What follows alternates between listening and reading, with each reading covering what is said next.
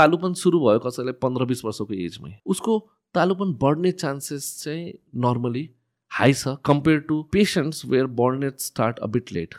तर हाम्रो अब नर्मल मान्छे सोचाइ के हुन्छ कि यो स्याम्पू यो तेल यो serum these have not been found to be like very effective in stopping your hair loss growing your hair कोही एकदम एडभान्स बर्नेस छ मानौ कि लाइक अनुपम खेर होइन। मलाई हेर्छ मसँग कुरा डक्टर मलाई हजुरको जस्तो कपाल चाहिन्छ। कुनै पनि प्रोसिजरसँग एउटा रियलिस्टिक एक्सपेक्टेसन हुनुपर्छ। इन्टरनेटहरूमा पेसेन्टहरूले फोटोग्राफ हेर्छ होइन? बिफोर आफ्टर हेर्छ त्यो एक्सपेक्टेसन हाई भइहाल्छ कि पेसेन्टको। इन्टरनेटमा त राख्ने भनेको सबैले आफ्नो बेस्ट अफ द वर्क हो। अरू बेस्ट अफ द वर्क नभए पनि त्यसलाई मोडिफाई गरेर कसरी राख्छ अनि एउटा रङ मेसेज गइरहेछ र पेसेन्ट तर आउँछ हाम्रोमा एक्सपेक्टेसन एकदम हाई हुन्छ। किनभने हरेक कपाल झर्ने समस्यामा ट्रान्सप्लान्ट गर्न मिल्दैन।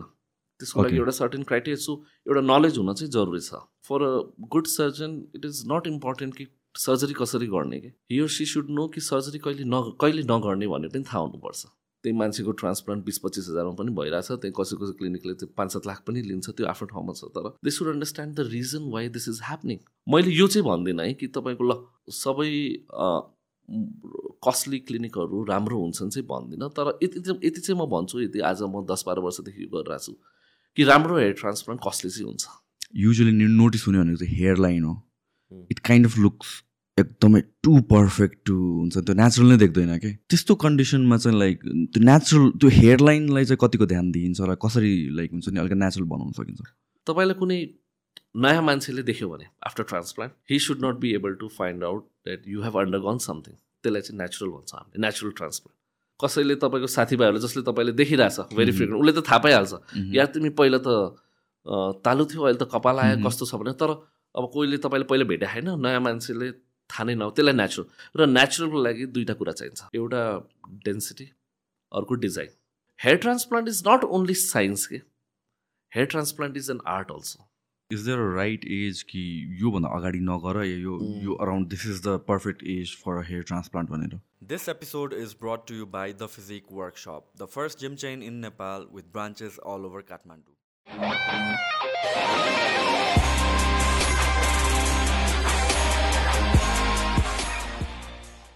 First of all, welcome, Doctor, on the podcast. Thank you. So, तपाईँको फलिटर्म अनि त्यसपछि यो career you been on the highlight लाइमलाइटमा हुनुहुन्छ लर अफ टाइम्स अनि you're one of the finest hair ट्रान्सप्लान्टको लागि चाहिँ। So tell me about your career कहाँबाट सुरु पऱ्यो how did you get into all of this मैले मेरो मेन चाहिँ पढाइ यहाँ काठमाडौँबाटै भएको हो। क्लास टुवेल्भसम्म चाहिँ म यहाँ काठमाडौँ नै पढेको होइन मोडर्न स्कुलबाट पढेको। बिचमा दुई तिन वर्षको लागि बुटवलमा पढेको। म ड्याडको बिजनेसले गर्दा ड्याड त्यहाँ सिफ्ट हुनुभएको थियो। त्यसपछि फेरि म यहाँ काठमाडौँ यहाँ मोडर्न स्कुलमा पढेँ। मेरो एमबिबिएस चाहिँ यहाँ धरानबाट हो गोपा। बिपी कोइराला इन्स्टिट्युटबाट। अनि एमबिबिएस सकाएपछि मैले मास्टर्स डिग्री चाहिँ न्यु दिल्ली एम्सबाट गरेको। So I join MBBS in two thousand five र लगभग छ वर्षको कोर्स हुन्छ I complete in two thousand eleven and from two thousand twelve म मैले एमडी स्टार्ट गरेँ एम्समा। थ्री इयर्सको टेन इयर थियो एम्समा। अनि त्यो ठाउँमा चाहिँ मैले फर्स्ट हेयर ट्रान्सफर एक्सपोजर पाएको थिएँ। मैले एमडी चाहिँ डर्माटोलोजीमा गरेको। So dermatology is basically a branch which deals in disease related to hair skin and nails होइन सो टु थाउजन्ड फोर्टिनमा चाहिँ मेरो एमडी सक्यो। अनि I got married in actually two thousand fourteen अनि मेरो प्लान चाहिँ अब एमडी सकाएर नेपाली फर्किने थियो। तर रेजिडेन्सी गर्दा गर्दै एमडी गर्दा गर्दै बिहे भयो। अनि नयाँ नयाँ बिहे भएको थियो फ्यामिलीले दे डिन्ट अलाउ मी कि अब नेपाल कसरी फर्किनु किनभने my wife got selected into AIIMS A okay. So बिहेपछि ठ्याक्कै मेरो वाइफको पनि सेलेक्सन भयो। अनि छोडेर आउनु मिलेन अनि नेपाल फर्किनँ म। अनि म त्यो दिल्लीमै काम गर्न थालेँ होइन। सो मेरो फर्स्ट जब चाहिँ मैले त्यहाँ भिएलसिसी भन्ने एउटा. It is a cosmetic dermatology chain uh, Right. with around 300 centers around the world. So these guys they wanted to start hair transplant. So मैले त्यहाँ इन्टरभ्यू दिएँ अनि that was the post of medical director so म त्यहाँ select भयो होइन अनि basically अनि म त्यहाँ गएर चाहिँ मैले मेरो हेयर ट्रान्सप्लान्टको करियर स्टार्ट गरेँ अनि इट मेरो त्यहाँ मेन जब चाहिँ के थियो भने to start hair transplant in all three hundred centres around the globe so मैले चाहिँ started with New Delhi head अफिसमा थिएँ म पोस्टेड होइन? अब ठाउँ ठाउँमा जाने जुन अल ओभर इन्डिया र बाहिर उनीहरूको ब्रान्चमा म ट्राभल गर्थेँ त्यहाँ डक्टर्सहरूलाई ट्रेनिङ दिन्थेँ how to conduct transplant so अलिकति ट्राभलिङ जब चाहिँ थियो लाइक अब भिएलसिसीको इन्डियामा पनि धेरै ब्रान्चेस अराउन्ड टू हन्ड्रेड त इन्डियामै छ सो ट्राभलिङ जब धेरै थियो कि right So in my tenure, I was able to start hair transplant in f- 15 of VLCC, like Delhi, Mumbai, Ahmedabad Surat होइन त्यसपछि अलिक ट्राभलिङ जबले गर्दा अलिकति फ्यामिलीहरूलाई पनि प्रब्लम भयो कि like I use to travel around fifteen days a month है? अब ट्रेनिङ पार्टहरूको लागि ट्राभल गर्नु पर्थ्यो। Then I just like पार्टनरसिपमा then I open the clinic in New Delhi with my friends होइन म त्यहाँ न्यू दिल्लीमा प्राइभेट प्र्याक्टिस गर्न थालेँ। गर्दा गर्दै अब वाइफको एमडी सकिने बेला पनि हुन लाग्थ्यो होइन? अनि अब नेपाल फर्किने मेरो सोच सुरुदेखि नै थियो। त्यसपछि I came here I open up this फलिडम होइन? सो आज रफली it has been six years seven years six seven years हुन लाग्यो मैले चाहिँ यो फलिडम सुरु गरेको होइन? अब सुरु सुरुमा चाहिँ अब मेरो वाइफको रेजिडेन्सी सकिन सकिन आँटेको बेला नै मैले यहाँ खोलिसकेको थिएँ। त्यति बेला म ट्राभल गर्थेँ। धेरै होइन? हप्ता महिनाको एक हप्ता चाहिँ यहीँ बस्थेँ। अनि तिन हप्ता चाहिँ मेरो दिल्ली क्लिनिक हेर्थेँ। सो अनि मेरो वाइफको रेजिडेन्सी आई डेडिके मैले चाहिँ most of the time I devote to now my clinic फलिडम here in Nepal मेरो छ दिल्लीमा पनि अहिले क्लिनिक छ पार्टनरसिपमा तर म चाहिँ ट्राभल अब चाहिँ कम गर्न थालेछु बिकज अब यहीँ पनि बिजी पनि भयो so this is about me so this is basically back in two thousand सिक्सटिनतिर fifteen सिक्सटिनतिर होला? सिक्सटिनतिर चाहिँ मैले यहाँ मेरो क्लिनिक खोलिसकेको थिएँ Mhm. तर सिक्सटिन अब my wife join in two thousand fifteen उसको सेभेन्टिनमा सकिने थियो। सो एक वर्ष चाहिँ म अलिक कमै आउँथेँ कि यहाँ. ट्राभल गर्थेँ लाइक यहाँ केसेसहरू we use to pile up cases and then म आउँथेँ गर्थेँ होइन। यहाँ पनि मेरो टिमहरू हुन्थ्यो तर सो एक डेढ वर्ष यस्तै चल्यो। टु थाउजन्ड सेभेन्टिनदेखि म बिस्तारै दिल्लीको टाइम घटाउँदै गएँ र यहाँ चाहिँ मह्म. म बढी टाइम दिन थालेँ। सो यो जुन टु थाउजन्ड सिक्सटिन सेभेन्टिनतिर भन्नु फोल्डरमा स्टार्ट गर्नुभयो तपाईँले। अनि त्यसपछि त्यतिखेर यो हेयर ट्रान्सप्लान्टको मार्केट कस्तो थियो डिमान्ड कस्तो थियो इन जेनरल र बुझाइ कस्तो थियो मान्छेहरूको? त्यति बेला लाइक कस्तो थियो ठ्याक्कै मैले जब यहाँ क्लिनिक खोलेँ होइन त्यति बेला यहाँ एक दुई ठाउँमा त्यति बेला अराउन्ड वान मन्थ टू मन्थको ग्यापमा सुरु भएको थियो.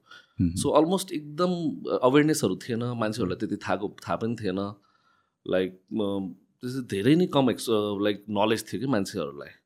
अब बिस्तारै अब हामीले यो छ सात वर्षमा हामीले ह्युज चेन्ज देखेको छ। लाइक मान्छेहरू एकदम धेरै अवेर छ। अब they know what is hair transplant होइन?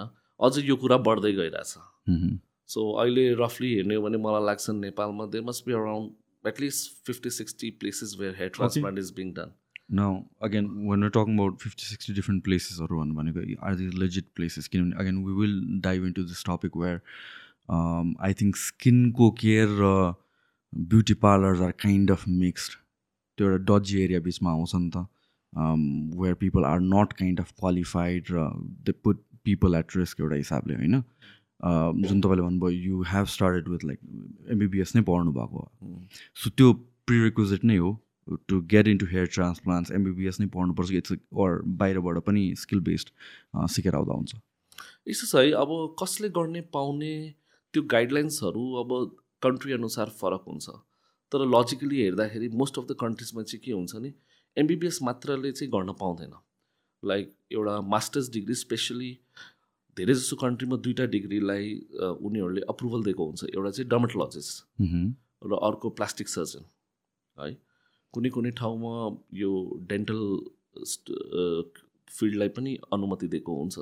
सो मोस्टली यो दुई तिन क्याटेगोरीलाई चाहिँ अप्रुभल दिएको हुन्छ कन्ट्रिजहरूमा कि यो क्वालिफिकेसन भएको। किनभने ट्रान्सप्लान्ट गर्नुभन्दा अगाडि चाहिँ you should have a good knowledge about hair उसको हेयरको एनाटमी हेयरको फिजियोलोजी हेयर लस प्रब्लम्सहरूको किनभने हरेक कपाल झर्ने समस्यामा ट्रान्सप्लान्ट गर्न मिल्दैन। त्यसको लागि. एउटा सर्टेन क्राइटेरिया सो एउटा नलेज हुन चाहिँ जरुरी छ होइन? लाइक हामीले सधैँ भन्छौँ कि like for a good surgeon it is not important कि सर्जरी कसरी गर्ने कि? हियर सी सुड नो कि सर्जरी कहिले न कहिले नगर्ने भन्ने पनि थाहा हुनुपर्छ। सो डेफिनेटली अब they are good and bad elements in the society होइन? हरेक फिल्डमा यस्तो हुन्छ भने अब नेपालमा किनभने जे भन्दा पनि यो एउटा नयाँ कुरा हो होइन. बिस्तारै कुराहरू रिफाइन भइ पनि रहेछ र हुनु पनि पर्छ होइन? अब लेजिस्लेसन लजहरू बिस्तारै सेटअप हुन्छ होला किनकि अब कसले गर्ने पाउने कसले नगर्न पाउने स्ट्यान्डर्ड अफ प्रोसिजर कस्तो हुनुपर्छ होइन?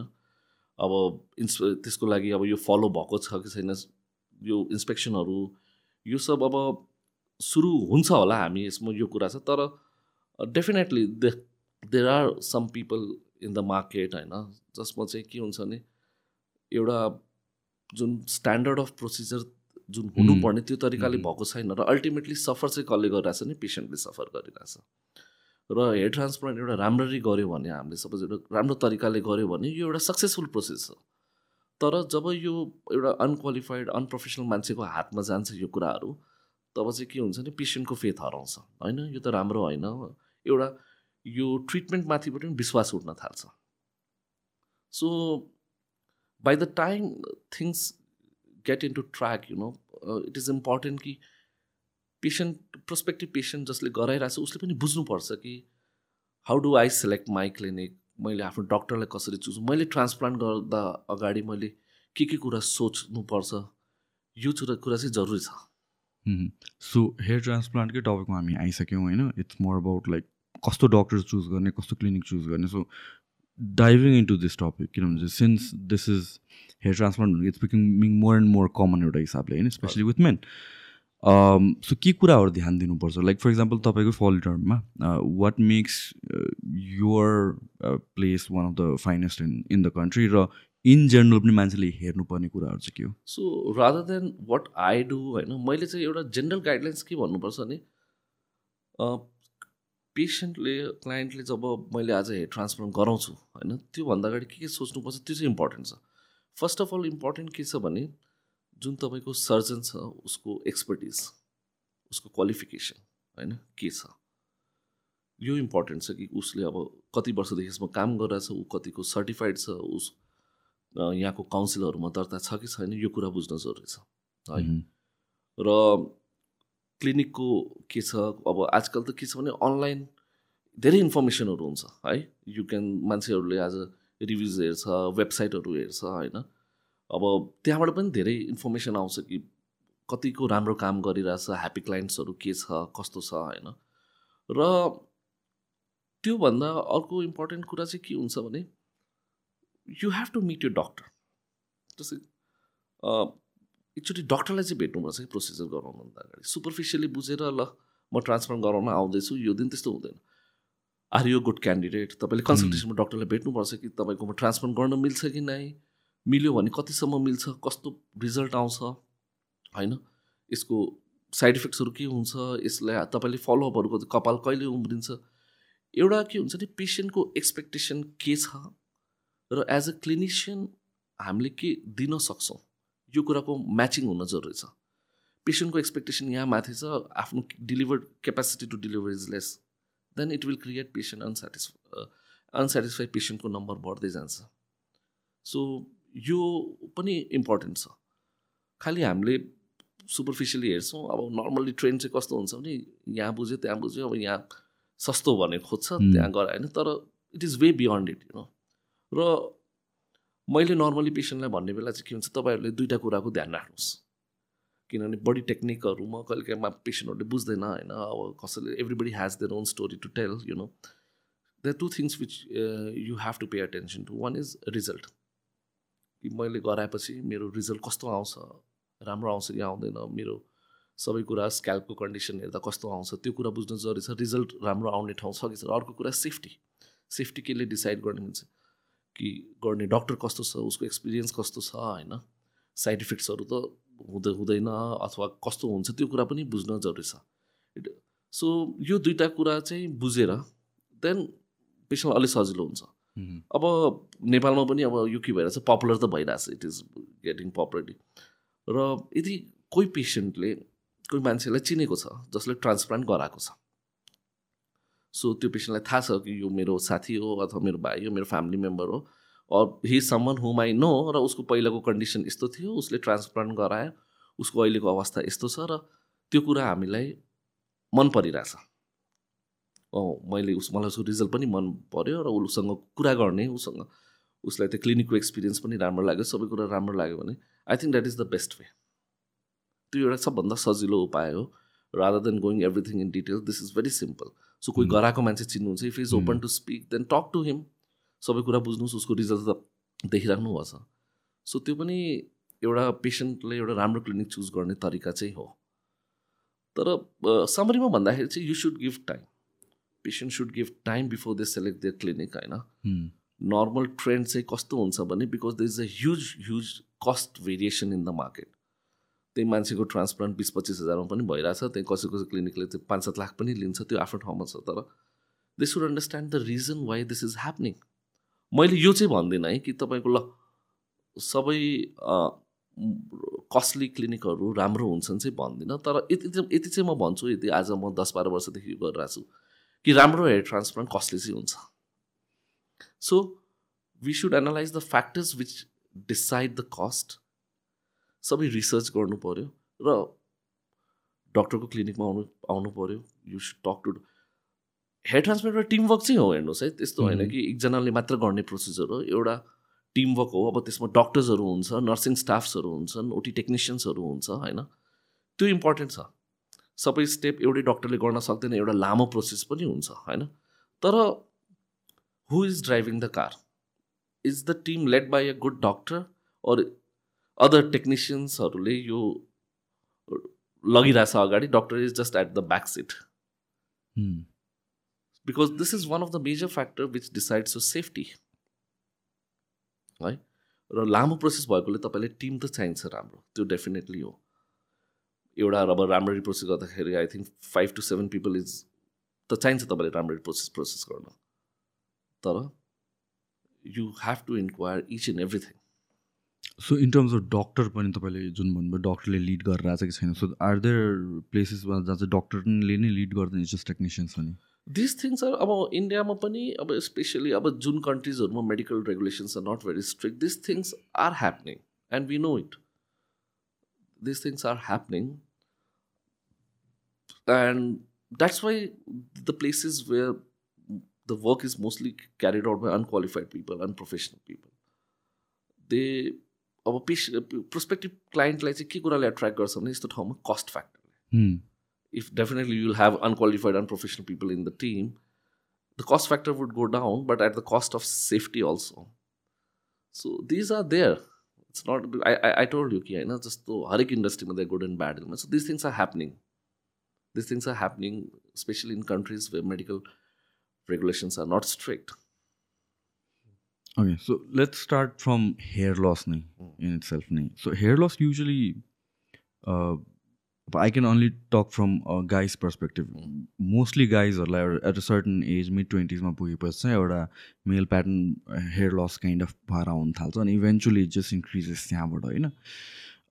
केही certain fact is it like completely genetics मात्र हो कि अरू एक्सटर्नल फ्याक्टर्सहरू पनि हो कि क्यान त्यसलाई रोक्न सकिन्छ या कि इम्प्रुभ गर्न सकिन्छ कि once you're dealt with bad genetics अब त्यो कपाल जान्छ नि भन्ने हो?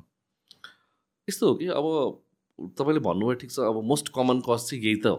हामीले ओपिडीमा पनि बस्ने बेलामा मेरो नाइन्टी पर्सेन्ट पेसेन्ट हेर्नु they have genetic hair loss जसमा चाहिँ के हुन्छ नि केटा मान्छेको यो कि त अगाडिबाट यो पछाडिको क्राउनबाट कपाल बिस्तारै पातलो भएर झर्छ।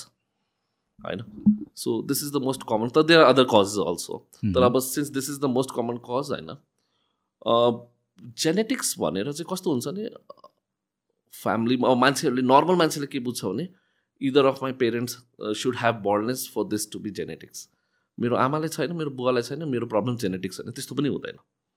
सो जेनेटिक समस्या कस्तो हुन्छ भने आमा बाबा हुन पनि जरुरी छैन तर हामीले जेनेटिक्समा किन फोकस गर्छौँ भने कति पेसेन्टले यस्तो भन्छ यो अरू कारणले भयो जस्तो सोध्छ दे हेभ मिसकन्स कसैले भन्छ कि म विदेश गएँ त्यहाँको पानी राम्रो छैन त्यसले गर्दा भयो or I have a very stressful life condition or मैले यो यो प्रडक्ट्सहरू लगाउँछु अर म हेलमेट लाउँछु होइन। त्यसले चाहिँ हुन्छ। सो अब कुनै हामीले कुनै पनि प्रब्लमको कजमा किन फोकस गर्छौँ भने यदि त्यो कजलाई हामीले ट्याकल गर्न सक्यौँ भने इफ यु क्यान ट्याकल कि ओके यो कज हो यसलाई तपाईँ यो यसलाई अभोइड गर्नुहोस्। अनि तपाईँको तालुपन कि त बढ्दैन कि रिकभर हुन्छ। That is the whole concept होइन? तर जेनेटिक्सलाई त हामीले कन्ट्रोल गर्न सक्दैनौँ। सो अहिलेसम्म जुन हामीले प्याटर्न हेयर लस भन्छौँ यसको मेन फ्याक्टर जेनेटिक्स हो। जेनेटिक्स भने अब यो बडीको प्रोग्रामिङ यस्तो भएछ कि टाउको कपाल झर्छ।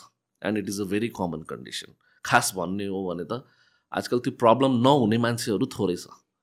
यदि फिगर्समै भन्ने हो भने by the time males are fifty or sixty years almost seventy percent males have this problem so तर अब रिसेन्टली कस्तो हुन्छ नि कुनै कुनै लाइफस्टाइल चेन्जेसहरूमा पनि रिसर्च भइरहेछ।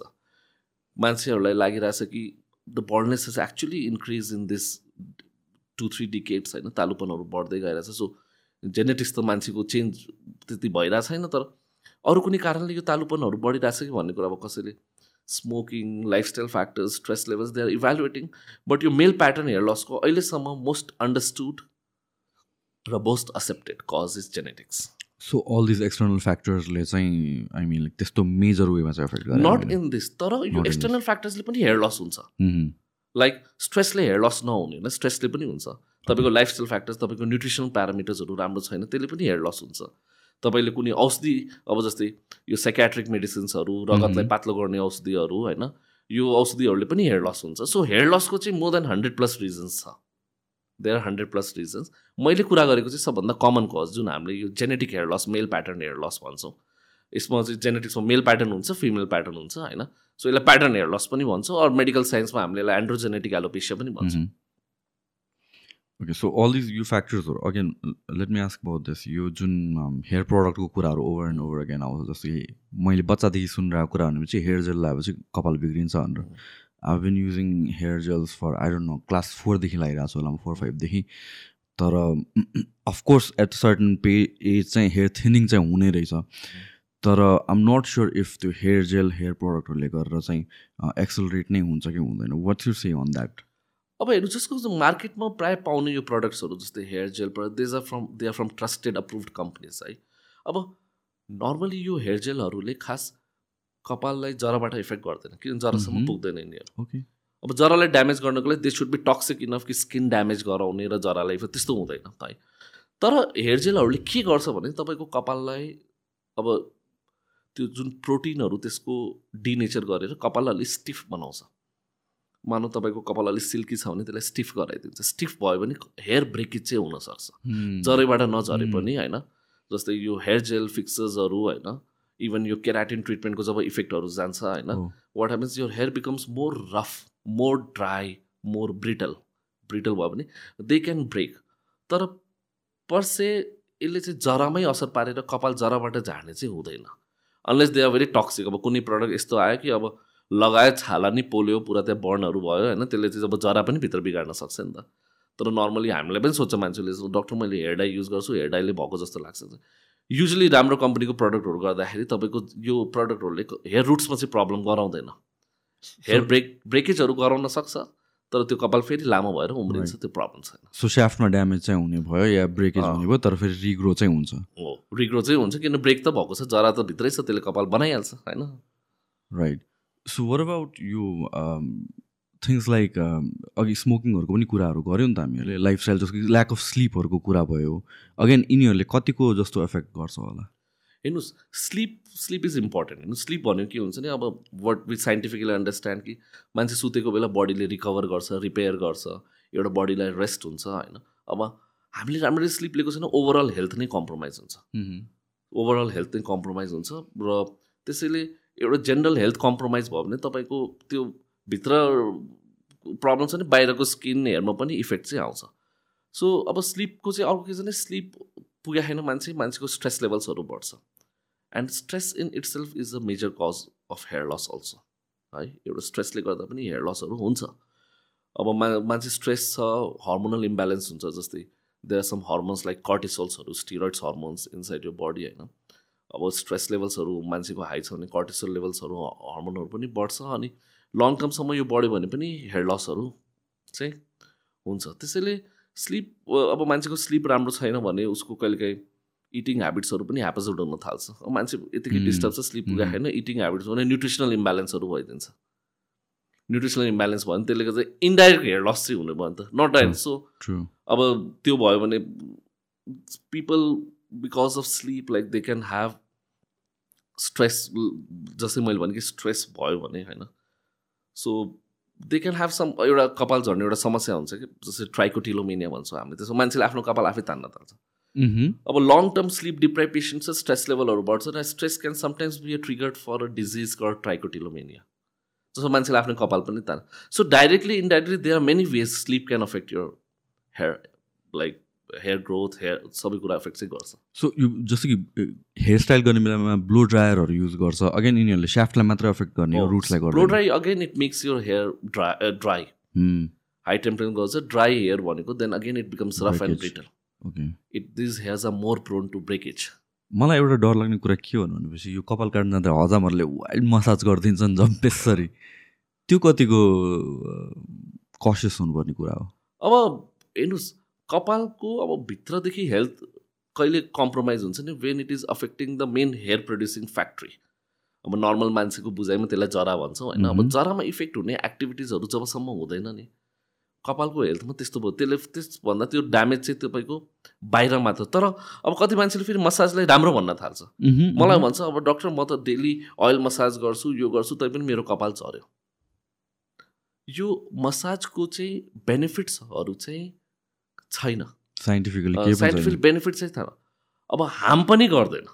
सो अब मैले कसै कुनै पनि पेसेन्टलाई भन्दैन you should do oil massage head massage गर्नु तपाईँको कपाल झर्दैन। बिकज त्यसको साइन्टिफिक बेनिफिट छैन।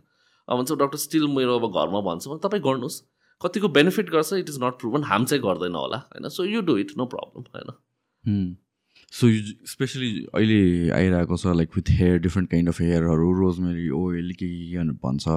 पहिला वान टाइममा रामदेवले पनि यस्तो पपुलर पार्दै थियो एभ्रिबडी वाज डुइङ कपाल झरेको मान्छेहरूले।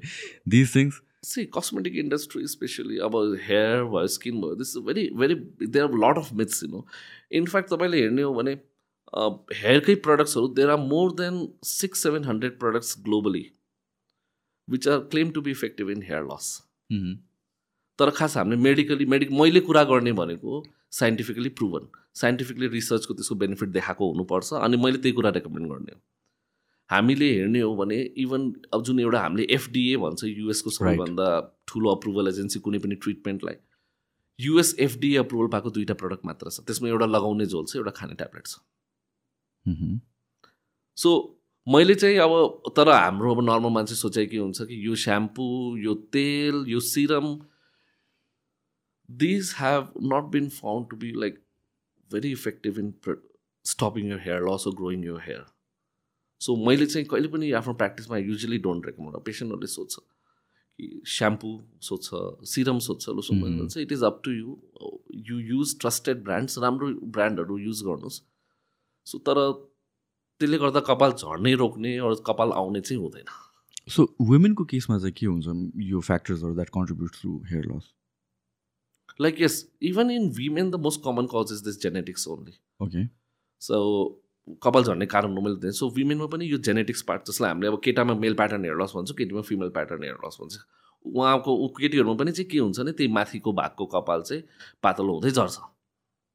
सो अनलाइक मेल चाहिँ एउटा फरक चाहिँ के हुन्छ जस्तै केटाहरूको कपाल झर्दै जान्छ जेनेटिक्समा झर्दै जान्छ अनि चिल्लै हुन्छ। केटीहरूको त्यो चिल्लो स्टेज चाहिँ एकदम it is very less common कि केटीहरूको केही न केही मात्रामा पातलो कपाल बसेकै हुन्छ। ट्रु र मेजोरिटी अफ केटी केटाहरूमा चाहिँ कस्तो हुन्छ भने यो पछाडिको साइडको भागको कपाल चाहिँ बस्छ। सो कहिलेकाहीँ केटीहरूमा चाहिँ के हुन्छ भने इभन यो पछाडिको कपालहरू पनि एडभान्स स्टेजेसहरूमा चाहिँ पातलो हुनसक्छ सो अरू कजेसहरू पनि अब जस्तै जुन जेनरल कजेसहरूले गर्दा पनि फिमेलको फिमेलमा एउटा कारण चाहिँ कस्तो हुन्छ भने कपाल झर्ने जुन हामीले हेर्छौँ is low low iron content अब न्युट्रिसनल प्यारामिटर्समा हेर्ने हो भने iron is also very important for hair health अब females are more susceptible for iron loss iron भनेको ब्लडमा हुन्छ तपाईँको। ब्लडभित्र हुनु ब्लडमा हुन्छ अब फिमेलहरूको पिरियड्सहरू हुन्छ ब्लड लसहरू पनि हुन्छ र हेमोग्लोबिनको कमी आइरनको कमी फिमेल्समा धेरै हुन्छ। सो यो compare to males फिमेलमा iron deficiency induce hair loss is also very common so talking about now hair loss prevention थिङ्सहरू या भन्छ भने हेयर लसको ट्रिटमेन्टहरू होइन before jumping to hair transplant किनभने कतिजना मान्छेले dabble into these on before finally deciding कि अब काम गऱ्यो गरेन अनि will jump into that so यही टपिकमा अघिको कन्टिन्युएसनमा what about biotin they are so many biotin सप्लिमेन्ट्सहरू available they are being sold अनि from what I have understood अहिलेसम्म त्यो विदाउट प्रेसक्रिप्सन त खानु हुँदैन सकेसम्म इट डजन्ट मेक सेन्स भनेर भन्छ। What's you that on that see let's not talk talk about biotin only let's talk about कि न्युट्रियन्ट अब न्युट्रिसन र हेयर लसको के छ relation what is the relation you know होइन? अब एउटा कुरा चाहिँ तपाईँ हामीले के बुझ्नु पऱ्यो भने यदि हामी ब्यालेन्स डाइट लिइरहेछौँ भने हाम्रो ओभरअल हेल्थ राम्रो हुन्छ त्यसो कपालको लागि एउटा ब्यालेन्स डाइट चाहिँ चाहिन्छ। स्पेसली अलिकति प्रोटिन रिच यदि तपाईँको हेयर लसको कन्डिसन छ त्यस्तो छ भने प्रोटिनको अदर देन अदर फ्याक्टर्स होइन protein is very important because hair जुन बनेकै प्रोटिनले हुन्छ। मेन कम्पोनेन्ट इज प्रोटिन अरू चाहिँ अब हामीले सुन्दै आएको कुन कुन nutrients प्यारामिटर्सहरू is important for hair health biotin is important vitamin B seven भन्छ होइन? अनि आइरन मैले अघि भने जस्तै आइरन इज भेरी इम्पोर्टेन्ट होइन? अर्को चाहिँ तपाईँको vitamin D is important. Vitamin A vitamin C vitamin A is also important. So कस्तो हुन्छ नि कपाल झर्न थाल्छ मान्छेलाई अब के हुन्छ नि यो न्युट्रिसन न्युट्रिस्युटिकल सप्लिमेन्ट्स न्युट्रिन सप्लिमेन्ट्सको आजकल एकदम ट्रेन्ड छ क्या मान्छे डक्टरकोमा आउनुभन्दा अगाडि पनि स्पेसली यो skin and hair related प्रब्लममा they can attribute this to nutrient so त्यो जान्छ उनीहरू यतिकै आज ओभर द काउन्टर पाउँछ। You don't need a prescription किनभने त्यसले एउटा साइकोलोजिकल बेनिफिट पनि गराउँछ। ओ मेबी मेरो हेयर लस यस्तो भइरहेछ मेरो लाइफस्टाइल यस्तो छ मेरोमा न्युट्रियन पुगेको छैनन् हामीलाई भेट्नुभन्दा अगाडि maximum पेसेन्टले they are on some nutrient supplement try गरिसकेका हुन्छ। ट्राई गरिसकेका हुन्छ किनभने सजिलो पाउँछ पनि।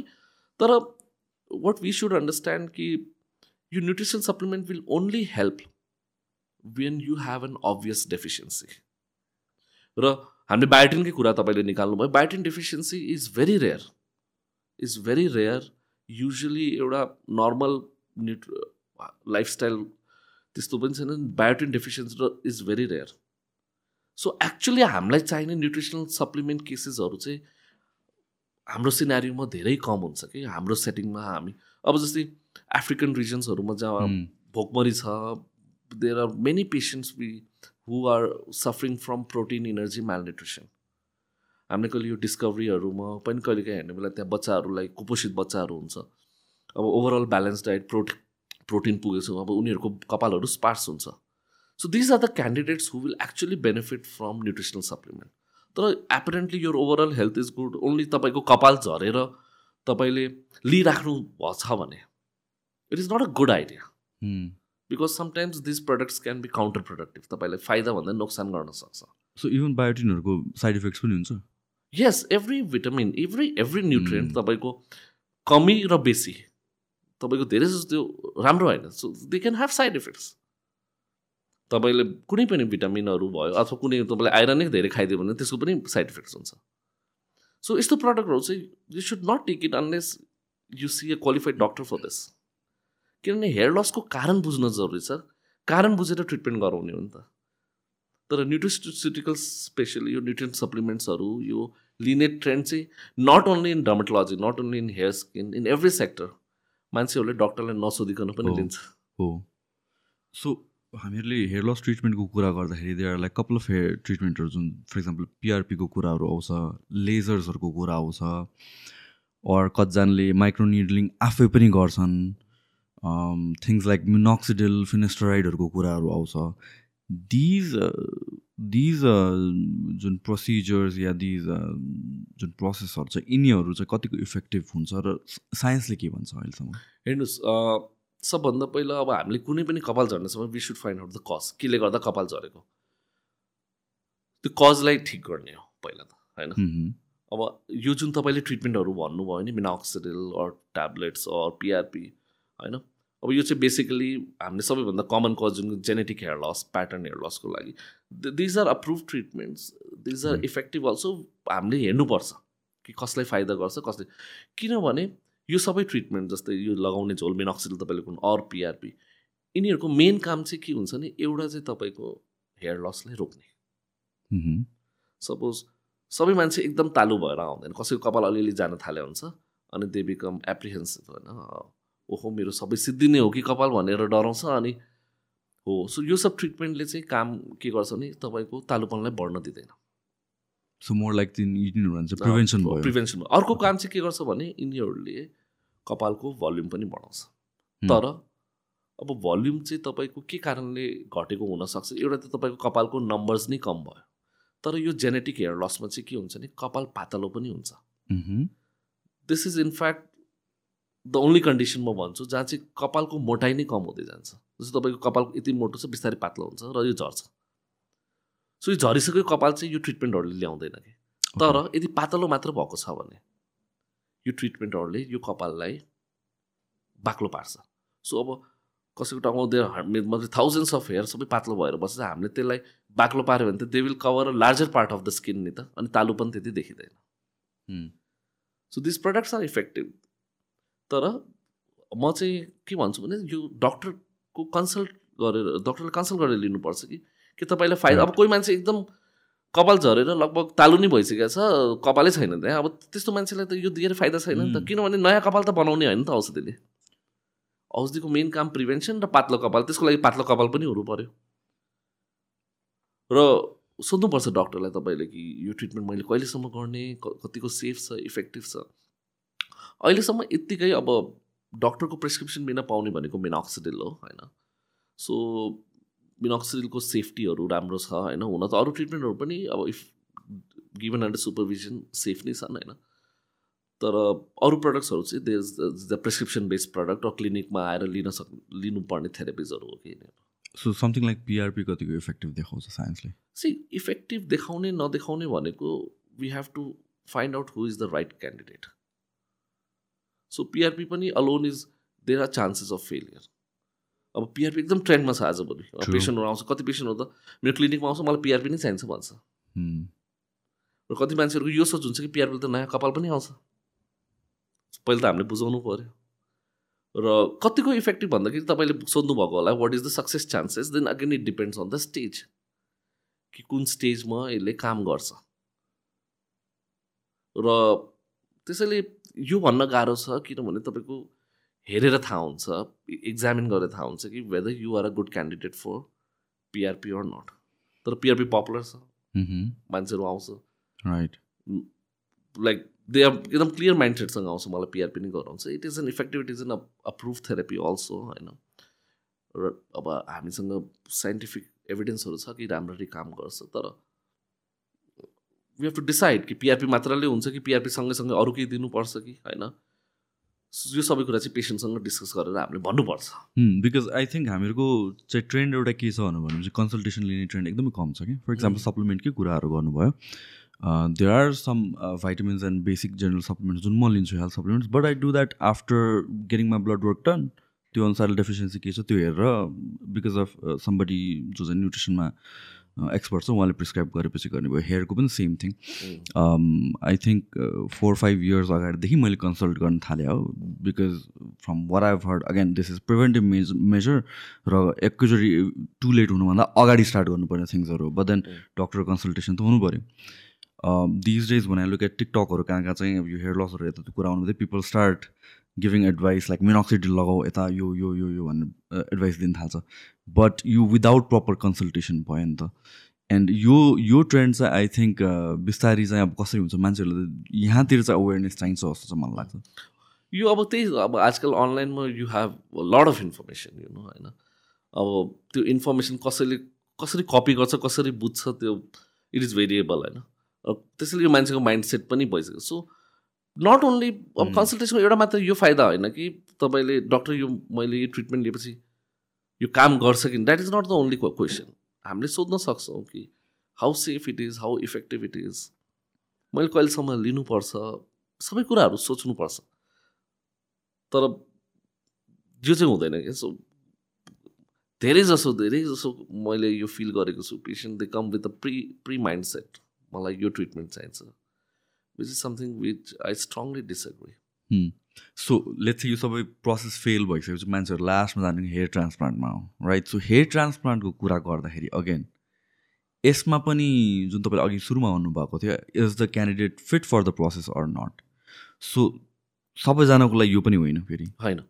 हेयर ट्रान्सप्लान्टको लागि पनि you have to find the right candidate अब कोही मा पहिला त तपाईँको अब हेयर ट्रान्सप्लान्ट भनेको चाहिँ के. हेयर ट्रान्सप्लान्ट भनेको तपाईँको एक ठाउँबाट कपाल झिक्ने र तालुपन भएको भागमा कहाँबाट झिक्ने जुन कपाल झर्दैन। जस्तै मैले भने कि म्याक्सिमम् मेल्स जसमा यो जेनेटिक हेयर लसको समस्या छ त्यसमा टाउको पछाडिको यो साइडको कपालहरू झर्दैन होइन? सो किनभने अब यसको जराहरूको स्ट्रक्चर डिफ्रेन्ट हुन्छ द्याट्स वाइ झर्दैन। सो हामीले त्यो जुन पछाडि र साइड जसलाई हामीले डोनर एरिया पनि भन्छौँ मह्म। होइन? अब केटाहरूमा डोनर भनेको डोनेट गर्ने एरिया यो टाउको मात्र हुन्छ ए टाउको र दाढी। कतिचोटि हामीले बियर्डको पनि झिक्छौँ छातीको पनि झिक्छौँ होइन? बडीहरू पनि युज गर्छ हजुर। मान्छेहरूले ओके। सो त्यहाँको कपाल हामीले जरा शुद्ध निकाल्छ तालुपनमा राखिदिन्छौँ मह्म. सो कस्तो ठाउँमा हेयर ट्रान्सप्लान्ट चाहिँ जहाँ कपालै छैन। किनभने कपाल नभएको ठाउँमा कुनै पनि नन सर्जिकल ट्रिटमेन्ट जस्तै हामीले पिआरपीको कुरा गऱ्यौँ हामीले माइक्रोनिडलिङको कुरा गऱ्यौँ मिनक्सिड त्यसले चाहिँ कपाल ल्याउँदैन। सो ट्रान्सप्लान्टमा चाहिँ हामीले के गर्छौँ भने जहाँ कपाल छैन त्यहाँ हामीले कपाल राख्छौँ तपाईँको आफ्नै बडीको झिकेर राख्छौँ होइन? सो एउटा त त्यो क्यान्डिडेट भयो कि अब जसको डोनर एरिया पनि राम्रो छ उसको तालुपनमा राख्न मिल्छ त्यो छ भने त्यो क्यान्डिडेट भयो। अर्को चाहिँ अब कोही मान्छे छ उसले औषधि गरिरहेछ उसको कपाल पातलो छ। उसले चाहिँ नन सर्जिकल अप्सनहरू ट्राई गरिरहेछ तर नन सर्जिकल अप्सनले पनि त सबैमा काम गर्दैन। त्यसको पनि सक्सेस र फेलियर रेट्स हुन्छ नि। अब उसले युज गर्यो तर उसको औषधिको इफेक्ट आएन। नन पिआरपीको आएन माइक्रोनिडलिङको आएन।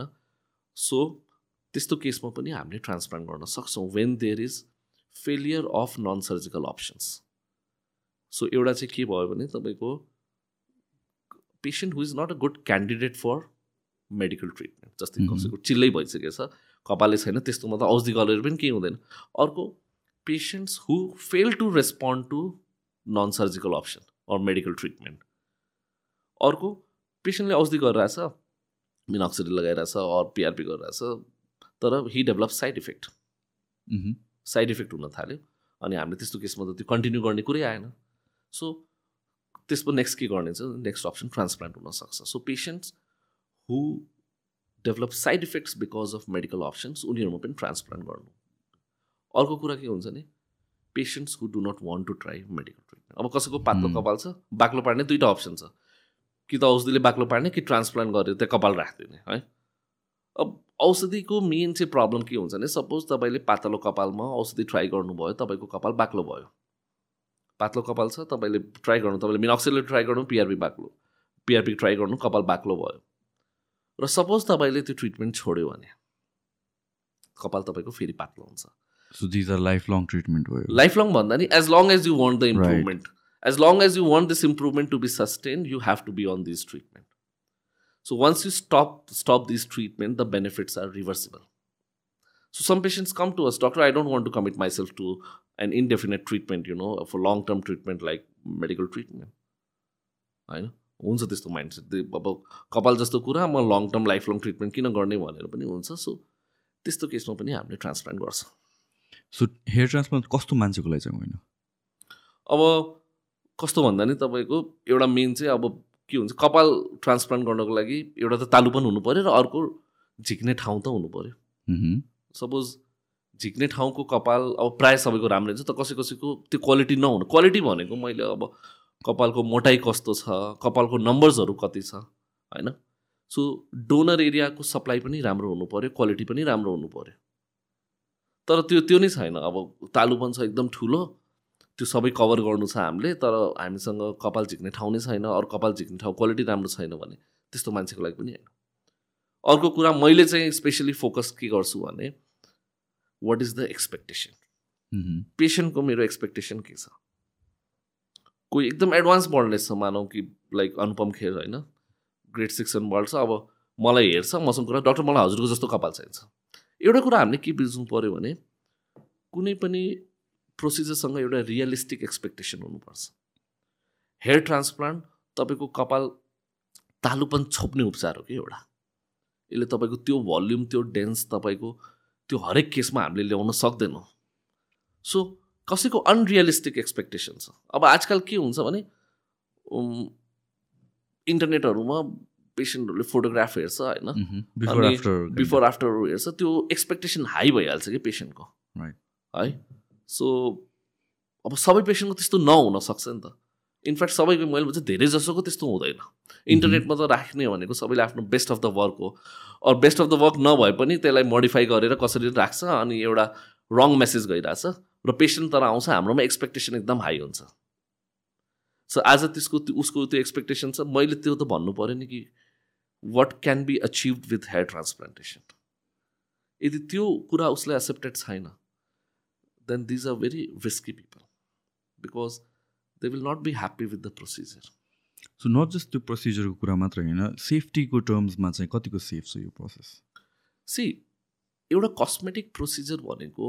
कस्तो हो भने I tell you how medical system works के होइन. जस्तै आज कुनै औषधि अथवा कुनै पनि उपचार कुनै सर्जरी नै आयो आज कुनै डक्टर कुनै साइन्टिस्टले त्यो पत्ता लगायो उसले स्ट्रेट अवे त गर्न मिल्दैन नि त्यसको अथोरिटिजहरूबाट त्यसको सेफ्टी चेक हुन्छ कि यो सेफ छ कि छैन यो कतिको इफेक्टिभ छ लङ टर्म सर्ट टर्म यसमा साइड इफेक्ट्सहरू के छ? र कस्मेटिक कुरा कस्तो हो भने मान्छेले आफ्नो लागि आफ्नो एउटा राम्रो हुनको लागि गरेछ। सपोज म आई एम बल्ड यदि मैले ट्रान्सप्लान्ट गराइनँ यदि मेरो कपाल छैन भने मलाई के हुन्छ? बढी अलिअलि म अपसेट हुन सक्छु अर लाइक हुनसक्छ तर त्यसले गर्दा मेरो लाइफ त जाँदैन नि। मलाई कुनै रोग लागेर त म मर्दैन नि। सो यदि त्यसको ट्रिटमेन्टले साइड इफेक्ट हुन थाल्यो भने.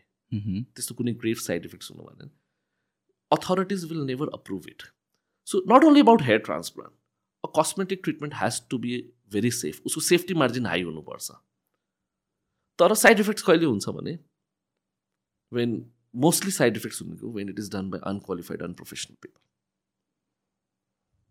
जस्तै दे आर फ्यु इन्सिडेन्ट्स अब ग्लोबली एक रिपोर्ट पनि भएको छ। Patient have landed with grave side effects but जब त्यो केसेसहरू इन्भेस्टिगेट भयो वी केम टु नो कि मह्म. There no doctors in the procedure त्यो गर्ने टिम नै को को थियो? स्पेसली फ्रम इन्डियामा पनि यस्तो के केस रिपोर्ट्सहरू आएको थियो।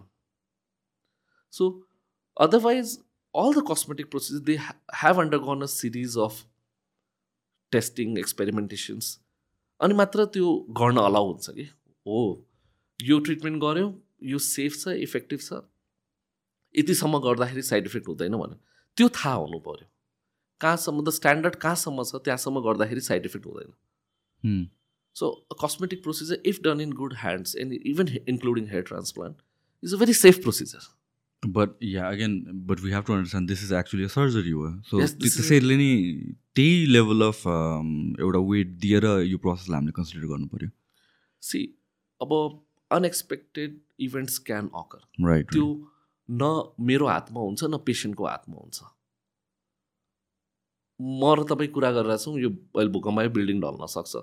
तपाईँ फुटपाथमा हिँडिराख्नु भएको छ चुप्लाएर आफ्नो बाटोमा तपाईँले गाडी ल्याएर हान्थ्यो these are something which do not happen very commonly but they can happen त्यस्तै Hmm. कुनै पनि सर्जिकल प्रोसेसमा चान्सेस चाहिँ हुन्छ कि जे पनि हुनसक्छ Hmm. तर त्यसको प्रोभाबिलिटी कति त एउटा सानो पिलो पनि आयो भने त्यसको उपचार गर्दाखेरि मान्छे मर्न पनि सक्छ तर सायद हामीले त्यो रेरेस्ट अफ द कुरा बुझाउन थाल्यो भने पेसेन्टले ट्रिटमेन्टै लिँदैन होला कहिले पनि Hmm. र त्यो समस्याले गर्दा उसलाई अझै गाह्रो हुनसक्छ. So we talk about the probability so हामीले प्रोभाबिलिटीको कुरा गर्ने हो भने hair transplant is a very safe procedure so यसमा पेन फ्याक्टरको कुरा गरौँ न। पिपल आर हुन्छ नि कतिजनालाई त दुख्छ कि दुख्दैन भन्ने कुरा पनि कन्सर्न हुन्छ। सो कतिको पेनफुल हुन्छ यो प्रोसेस सी पहिलो सुरु त पेन भनेको एकदम सब्जेक्टिभ छ। होइन? कसैलाई अब पेन एउटै पिक गऱ्यो भने उसलाई चाहिँ धेरै दुख्न सक्छ कसैलाई थोरै दुख्न सक्छ। अब आजकल जुन टेक्निक्सहरूबाट जुन तरिकाबाट ट्रान्सप्लान्टहरू हुन थालेछ नि होइन त्यो चाहिँ in fact it is very minimally painful भन्छु कि म। यदि मैले कुनै एट आवर्सको प्रोसिजर दिनभरिमा गरेँ भने त्यो पेन हुने भनेको तपाईँले जब स्किनलाई नम पार्नुहुन्छ. त्यसलाई हामीले लोकल एनेस्थेसिया भन्छौँ जब हामीले छालालाई नम गर्न लाटो पार्न हामीले एउटा सोल्युसन हाल्छौँ। सो त्यो प्रिक गर्दाखेरि चाहिँ पेन हुन्छ। एकचोटि त्यो त्यसको इफेक्ट आइसकेपछि पेसेन्टलाई. Pain effect in fact procedure गराइसकेपछि आजकल त पेसेन्ट आफै गाडी चलाएर घर जान्छन्। इभन प्रोसिजर गराउने बेला भित्र प्रोसिजर रुममा अब मेरै यहाँ क्लिनिकमै प्रोसिजर रुममा टिभीहरू राखिदिएको छ। पेसेन्टले टिभी हेरिरहेको हुन्छ मोबाइल चलाइरहेको हुन्छ होइन? सो इभन त्यो सो एनेस्थेसिया पार्ट चाहिँ के हुन्छ भने अब कसैलाई अब प्रिक गर्ने हो त्यो छालामा प्रिक गर्ने बेला औषधि हाल्ने बेला छालामा प्रिक गर्नु पऱ्यो अनि अब दुख्छ भन्छ होइन? है? सो तर त्यसमा पनि अब आजकल धेरै मोडिफिकेसन डेभलपमेन्ट्सहरू आइसकेको छ एक्सट्रिमली फाइन निडल्सहरू आउँछ सिरिन्जेसहरू एकदम पातलो निडल भएको आउँछ होइन? त्यो गर्दाखेरि दुख्दैन र त्यो सिरिन्ज त्यो हाल्ने बेला सँगै हामीले त्यो डिस्ट्र्याक्ट गर्न पेसेन्टलाई त्यो एउटा भाइब्रेटिङ डिभाइसहरू हुन्छ है? प्लस त्यो अलिकति टेम्परेचर त्यहाँ आइस प्याक्सहरू लगाएर गऱ्यो भने सो अब दिनभरिको प्रोसेस चाहिँ सात आठ घन्टाको प्रोसेस छ तपाईँको टेन फिफ्टिन मिनट्स टाइमको त्यो पेनफुल टेन फिफ्टिन मिनट्सको भयो भने त्यो पेनफुल पार्ट हुन्छ तर it is very much tolerated by the patient till now in fact few two three years back हामीले जस्तै आफ्टर प्रोसिजर हामीले पेसेन्टको फिडब्याक लिन्छौँ कि how much is the pain one to टेनको स्केलमा तपाईँले पेनलाई कति मार्क्स दिनुहुन्छ वान भनेको लिस्ट पेनफुल टेन भनेको भेरी पेनफुल सो हामीले लगभग लगभग कति थ्री हन्ड्रेड पेसेन्ट्सको डेटा इभ्यालुएट गर्ने बेला the average score was around three point seven okay so रफली on a scale of one to ten patient had pain score चाहिँ थ्री पोइन्ट सेभेन जस्तो थियो So that's very, very minimal. Yeah I think that is still it is it is an accepted limit you know अब हेर्नु गराएपछि मान्छे आफै गाडी चलाइन्छ पोस्टअप पनि त्यस्तो हुँदैन। ट्राभल गर्नु पऱ्यो मान्छे भोलिपल्ट विदेश पनि ट्राभल गर्छ। So it is well tolerated by the patient so before प्रोसिजरमा जानुभन्दा अगाडि स्क्रिनिङ गर्नुपर्छ होला आई वुड बिलिभ हामीले हेर्नुपर्छ। अब वेदर पेसेन्ट एउटा एउटा त सबैलाई हेऱ्यौँ सबै डोनर राम्रो छ कपाल रोप्न पनि मिल्छ हामीले ब्लड टेस्टहरू चाहिँ गर्नुपर्छ। ब्लड टेस्टहरू गर्नुपर्छ इसिजीहरू गर्छौँ होइन? कि हिज मेडिकली फिट छ कि छैन होइन? अब अब एडभान्स टेक्निकहरूमा त अब आजकल कन्ट्रा इन्डिकेसन नगर्ने कुराहरू कमै हुन्छन् होइन? तैपनि अब हामीले एउटा हेर्छौँ जस्तै ब्लड प्यारामिटर्सहरू गर्छौँ त्यस रिनल फङ्सन टेस्ट सुगर हेर्छौँ kidney liver function test haemoglobin कति छ प्लेटलेट कति छ कुनै मेडिकल हिस्ट्री लिन्छौँ हामीले केही रोगहरू छ कतिको म्यानेज छ डायबिटिज छ भने कतिको म्यानेज छ ब्लड प्रेसर छ भने कतिको म्यानेज छ। सो अनलेस त्यो क्राइटेरिया मिट हुँदैन जबसम्म मिट हुँदैन कि यो यो प्या मेडिकल कुनै पनि यदि प्यारामिटर्सले गर्दा हामीले त्यो गर्न मिल्दैन भने चाहिँ त्यो गर्नु पनि हुँदैन। सो यो जुन टेक्निक्सहरू पनि तपाईँले भन्नुभयो त्यो लाइक दुई तिनवटा टेक्निक्सहरू छ भनेर। कुन टर्म्समा हुन्छ? लाइक त्यो डिफ्रे टेक्निक्सको डिफ्रेन्सिएसन के हो कि एडभान्समेन्ट्सहरू मात्र हो कि? सो बेसिकली त्योभन्दा अगाडि चाहिँ के बुझ्नु पर्यो भने ट्रान्सप्लान्टमा चाहिँ हुने चाहिँ के हो. मैले अघि अघि पनि भने जस्तै ट्रान्सप्लान्टमा तपाईँको तालुपन भएको भागमा हामीले कपाल राख्ने हो। र कपाल कुन राख्ने? तपाईँको आफ्नै कपाल जुन तपाईँको केटाहरूमा डोनर एरिया भनेको अब टाउको पछाडिको साइडको भयो अरू बियर्ड एरिया पनि हुनसक्छ होइन? सो ट्रान्सप्लान्टमा मेजरली तिनवटा स्टेप हुन्छ। एउटा स्टेप चाहिँ कपाल झिक्ने काम। जहाँबाट कपाल हामीले जो जहाँको कपाल राख्ने हो त्यहाँबाट झिक्छौँ. सो मेबी पछाडि टाउको पछाडिको झिक्छौँ कि साइडको झिक्छौँ वा दाढीको झिक्छौँ होइन? झिक्ने काम हुन्छ। एउटा हामीले राख्ने ठाउँ जुन जहाँ कपाल रोपिन्छ जुन तालुपन भएको भागमा हामीले सानो सानो ठाउँ बनाउनु पऱ्यो कपाल राख्नलाई ठाउँ त बनाउनु पऱ्यो नि। तपाईँले बिरुवा रोप्नुभन्दा अगाडि त त त्यहाँ खन्नु त पऱ्यो नि त। सो त्यसलाई प्रिक्स स्लिटिङ भन्छ स्लिट्स. र अर्को चाहिँ त्यो जुन हामीले एक्सट्र्याक्ट गरेको हार्भेस्ट गरेको झिकेको कपाललाई त्यो पालमा छिराउने काम। सो यो झिक्ने कामलाई हामीले एक्सट्र्याक्सन भन्छौँ medical language extraction or harvesting जुन यो बल्ड एरियामा हामीले ठाउँ बनाउँछौँ त्यसलाई हामीले स्लिटिङ भन्छौँ। र त्यो स्लिट्समा त्यो पालमा त्यो प्रिक्समा कपाल छिराउने कामले चाहिँ इम्प्लान्टेसन भन्छौँ। सो हेयर ट्रान्सफरमा तिनवटा स्टेप हुन्छ। सो यो जुन झिक्ने स्टेप हुन्छ नि कपाल झिक्ने स्टेपमा बेसिकली दुईवटा टेक्निक हुन्छ। यसको आधारमा चाहिँ हेयर ट्रान्सप्लान्टलाई दुईवटा टेक्निकमा हामीले सेपरेट गर्छौँ। जुन एउटा पुरानो टेक्निक चाहिँ के हो भने फलिकुलर युनिट ट्रान्सप्लान्ट एफयुटी. यो चाहिँ एउटा पुरानो यसमा चाहिँ के हुन्छ भने झिक्ने पार्ट अलिकति गाह्रो हुन्थ्यो।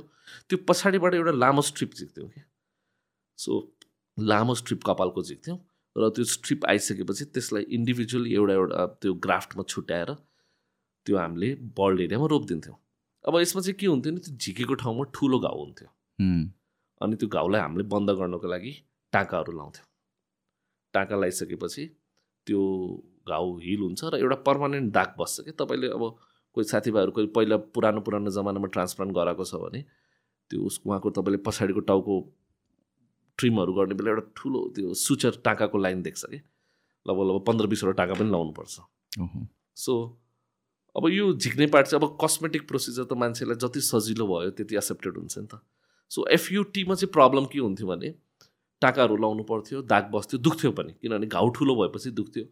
अब गर्ने बेला घाउ ठुलो छ अलि रगत धेरै बग्ने इन्फेक्सन हुने चान्सेस पनि बढी त घाउ त्यत्रो ठुलो छ इन्फेक्सन हुने चान्स इभन गराइसकेपछि पनि एक दुई हप्ता पेन चाहिँ हुन्थ्यो पेसेन्टलाई so for a cosmetic procedure यो यति अलिकति गाह्रो हुन थाल्यो कि मान्छेले त्यति यसलाई एक्सेप्ट गर्न सकेन। त्यसैले अर्को टेक्निकको म कुरा गर्छु जसलाई हामीले फलिकुलर युनिट एक्सट्र्याक्सन भन्छौँ। यसमा चाहिँ हामीले। जुन झिक्ने पार्ट छ त्यसमा हामीले स्ट्रिप झिक्दैनौँ। हामीले इन्डिभिजुअली कपाल झिक्छौँ। सो त्यहाँ चाहिँ स्ट्रिप झिक्दाखेरि चाहिँ एउटा ठुलो घाउ बन्छ तर त्यसमा चाहिँ सानो एउटा दुलो बस्छ। अब त्यो झिक्ने जुन इन्स्ट्रुमेन्ट हुन्छ त्यो जिरो पोइन्ट सेभेन एमएमदेखि वान एमएमसम्म युज गर्छ प्रायः होइन? सो तपाईँको त्यो सानो एउटा दुलो बस्छ। अब त्यसमा टाका साका केही लाउनु पर्दैन। त्यो तपाईँको आफसे आफ तपाईँको हिल हुन्छ होइन? In fact most of the cases मैले हेर्छु दुईदेखि चार दिनमै हिल भइसकेको हुन्छ होइन? हिल हुन्छ अब भिजिबल त्यो ठुलो दाग बस्दैन त्यो भिजिबल स्कारिङहरू पनि केही स्कार बस्दैन खत बस्दैन। रिकभरी टाइम फास्ट हुनुभयो पेनहरू पेन हुँदैन प्रोसिजर गराएपछि पेन सेन हुँदैन सो सो बेसिकली टेक्निक्सहरू दुइटा छ। फलिकुलर। युनिट ट्रान्सप्लान्ट र फलिकुलर युनिट एक्सट्र्याक्सन अब यही फलिकुलर युनिट एक्सट्र्याक्सन जसमा हामीले इन्डिभिजुअली कपाल यसको एउटा एडभान्स भर्जन चाहिँ डाइरेक्ट हेयर ट्रान्सप्लान्ट हो। यो चाहिँ लगभग हाम्रो मेरै एउटा एम्सको सिनियरले यो टेक्निकको इन्भेन्ट गर्नुभएको थियो होइन। लगभग लगभग पन्ध्र वर्ष भयो होला यो टेक्निक आएको होइन। सो एफयुटी एफयुको फरक हामीलाई थाहा छ। अब नर्मली एफयुई गर्ने बेला चाहिँ के हुन्छ भने एफयुई र डाइरेक्ट हेयर ट्रान्सफरमा झिक्ने काम चाहिँ उयो है वी टेक आउट इन तर कस्तो हुन्छ भने जस्तै हामीले डोनर एरियाबाट कपाल झिक्यौँ र हामीले कपाल त्यो बल्ड एरियामा राख्छौँ। यदि अब कपाल भनेको जिउँदो कुरा हामीले डोनर एरियाबाट झिक्न बित्तिकै त्यो कपालले न्युट्रिसनहरू पाउन बन्द हुन्छ। हामीले ग्याप धेरै भयो झिक्ने र रोप्ने ग्याप धेरै भयो भने कपाल मर्छ। कपाल मर्छ अनि तपाईँले त्यो कपाल राख्नुभयो तर अल्टिमेटली त्यो उम्रिँदैन किन त्यो अलरेडी मरिसकेछ। सो यो जुन झिक्ने र रोप्ने ग्याप हुन्छ नि कन्भेन्सनल एफयुई जुन सुरुमा एफयुईहरू आउने बेला चाहिँ त्यो चाहिँ लामो हुन्छ। डिपेन्डिङ अपन अब डक्टर्सहरूले गर्ने तरिकामा कसैको दुई घन्टा त मिनिमम नै हुन्छ म्याक कसै कसैले फाइभ आवर्स सिक्स आवर्स पनि बाहिर हुन्छ। अब कपाल हामीले झिक्यौँ र त्यो धेरै बेर बडीभन्दा बाहिर छ त्यो ड्यामेज हुन्छ त्यो मर्छ। सो डाइरेक्ट हेयर ट्रान्सप्लान्टमा चाहिँ हामीले के गर्छौँ भने यो ग्यापलाई we reduce by more than ninety five percent so जति कपाल झिक्यौँ जति रोप्यौँ त्यो सबै उम्रिन्छ क्या यसमा। सबै उम्रियो भने तपाईँ सबै कपाल के हुन्छ? सबै उम्रियो भने कपाल बाक्लो आउँछ। बुझ्नु भएन? कपाल मर्दैन कपाल बाक्लो आउँछ। र यो एउटा फाइदा भयो। यसलाई हामीले बडी आउट टाइम भन्छौँ कि body out time is reduced by more than ninety five percent so how is this यो रिड्युस हुनुको कारण चाहिँ अब यो टेक्निकली अलिकति गाह्रो छ होइन? तर अहँ। पनि सजिलो बुझाउनु चाहिँ this a very big team involve मह्म। Big team र हामीले पेसेन्टको पोजिसनिङ यसरी गर्छौँ कि extraction and implantation undergoes almost simultaneously right so normally FUE टेक्निकमा चाहिँ के गर्छ भने गर्ने बेला प्राय गर्ने प्राय मान्छेहरूले के गर्छ भने कपाल झिक्छन् झिकेर त्यो स्टोर गर्छन्। त्यसपछि बल्ड एरियामा चाहिँ हाम पल बनाउँछ जुन स्लिटिङ भने नि। अनि त्यसपछि त्यो झिकेको कपाल बिस्तारै वान बाई वान राख्छ। अब मेन मानौँ एक दिनमा मैले पच्चिस सय जति ग्राफ्ट रोप्छु होइन? सो फर्स्ट मैले पच्चिस सय ग्राफ्ट झिकेँ। जुन झिक्ने टाइम नै तपाईँको पच्चिस सय झिक्न दुई तिन घन्टा लाग्छ। सो पच्चिस सय मैले झिकेँ मैले त्यहाँ स्टोर गरेर राखेँ। अब मेरो नेक्स्ट स्टेप के हुन्छ? पच्चिस सय रा राख्नलाई पच्चिस सयवटा पल त बनाउनु पऱ्यो सो मैले अनि पच्चिस सयवटा पल बनाउँछु। सो पच्चिस सयवटा पल बनाउन पनि डेढ दुई घन्टा लाग्छ। लगभग लगभग फाइभ आवर्स भइसक्यो कपाल अब बाहिरै छ। त्यसपछि हामीले राख्ने बेला वान बाई वान राख्छौँ। त्यो पनि दुई तिन घन्टाको प्रोजेक्ट पच्चिस सय कपाल राख्न। सो मिनिमम तपाईँको चार पाँच घन्टा कपाल बाहिर छ। इनफ्याक्ट हुनसक्छ कुनै कुनै कपाल छ सात घन्टा पनि बाहिर छ। सो डाइरेक्ट एड्रेसमा हामीले के गर्छौँ भने सुरुमा हामीले बल्ड एरियामा पल बनाउँछौँ। सो पल बनाउने मात्र होइन पल बनाएपछि हामीले पेसेन्टको पोजिसनिङ कसरी गर्छौँ भने कपाल झिक्दै झिक्दै त्यसमा राख्दै जान्छौँ। ओके सो डिरेक्टली नै ट्रान्सप्लान्ट हो। पनि निकाल्दै राख्दै। सो यो चाहिँ एउटा बडी आउट टाइम चाहिँ एउटा most understood benefit of direct head transplant हो। तर डाइरेक्ट हेड ट्रान्सप्लान्टको योभन्दा पनि अर्को फाइदा चाहिँ के हो भने कपालको जुन मेन कपाल बनाउने जुन जरा भन्छौँ नि हामीले त्यसलाई ड्यामेज हुँदैन। सो प्राय एफयुई टेक्निक्सहरूमा कपाल कसरी त्यो जुन हामीले पल बनाएको हुन्छ नि त्यसमा राख्ने तरिका चाहिँ एकदम त्यो बेसिक कसरी हुन्छ नि त्यो एउटा फर्सेप्स भन्छ हामीले त्यो मह्म। कपाललाई समात्छ च्याप्प अनि त्यो पलभित्र छिराइदिन्छ। सो कपाल त यति सानो हुन्छ नि ग्राफ्ट झिकेको कपाल त धेरै सानो हुन्छ। सो बेसिकली त्यो जब जब हामीले फर्सेप्सले समातेर हाल्छौँ त्यो ग्राफ्ट चाहिँ ड्यामेज हुन्छ कि त्यसको जराहरू च्यापिन्छ अनि त्यो मरिहाल्छ। डाइरेक्ट हेड हामीले एउटा स्पेसलाइज इम्प्लान्टर्स भन्ने डिभाइस युज गर्छौँ। त्यसमा चाहिँ के हुन्छ नि हामीले जरालाई छुनै प छुनै पर्दैन।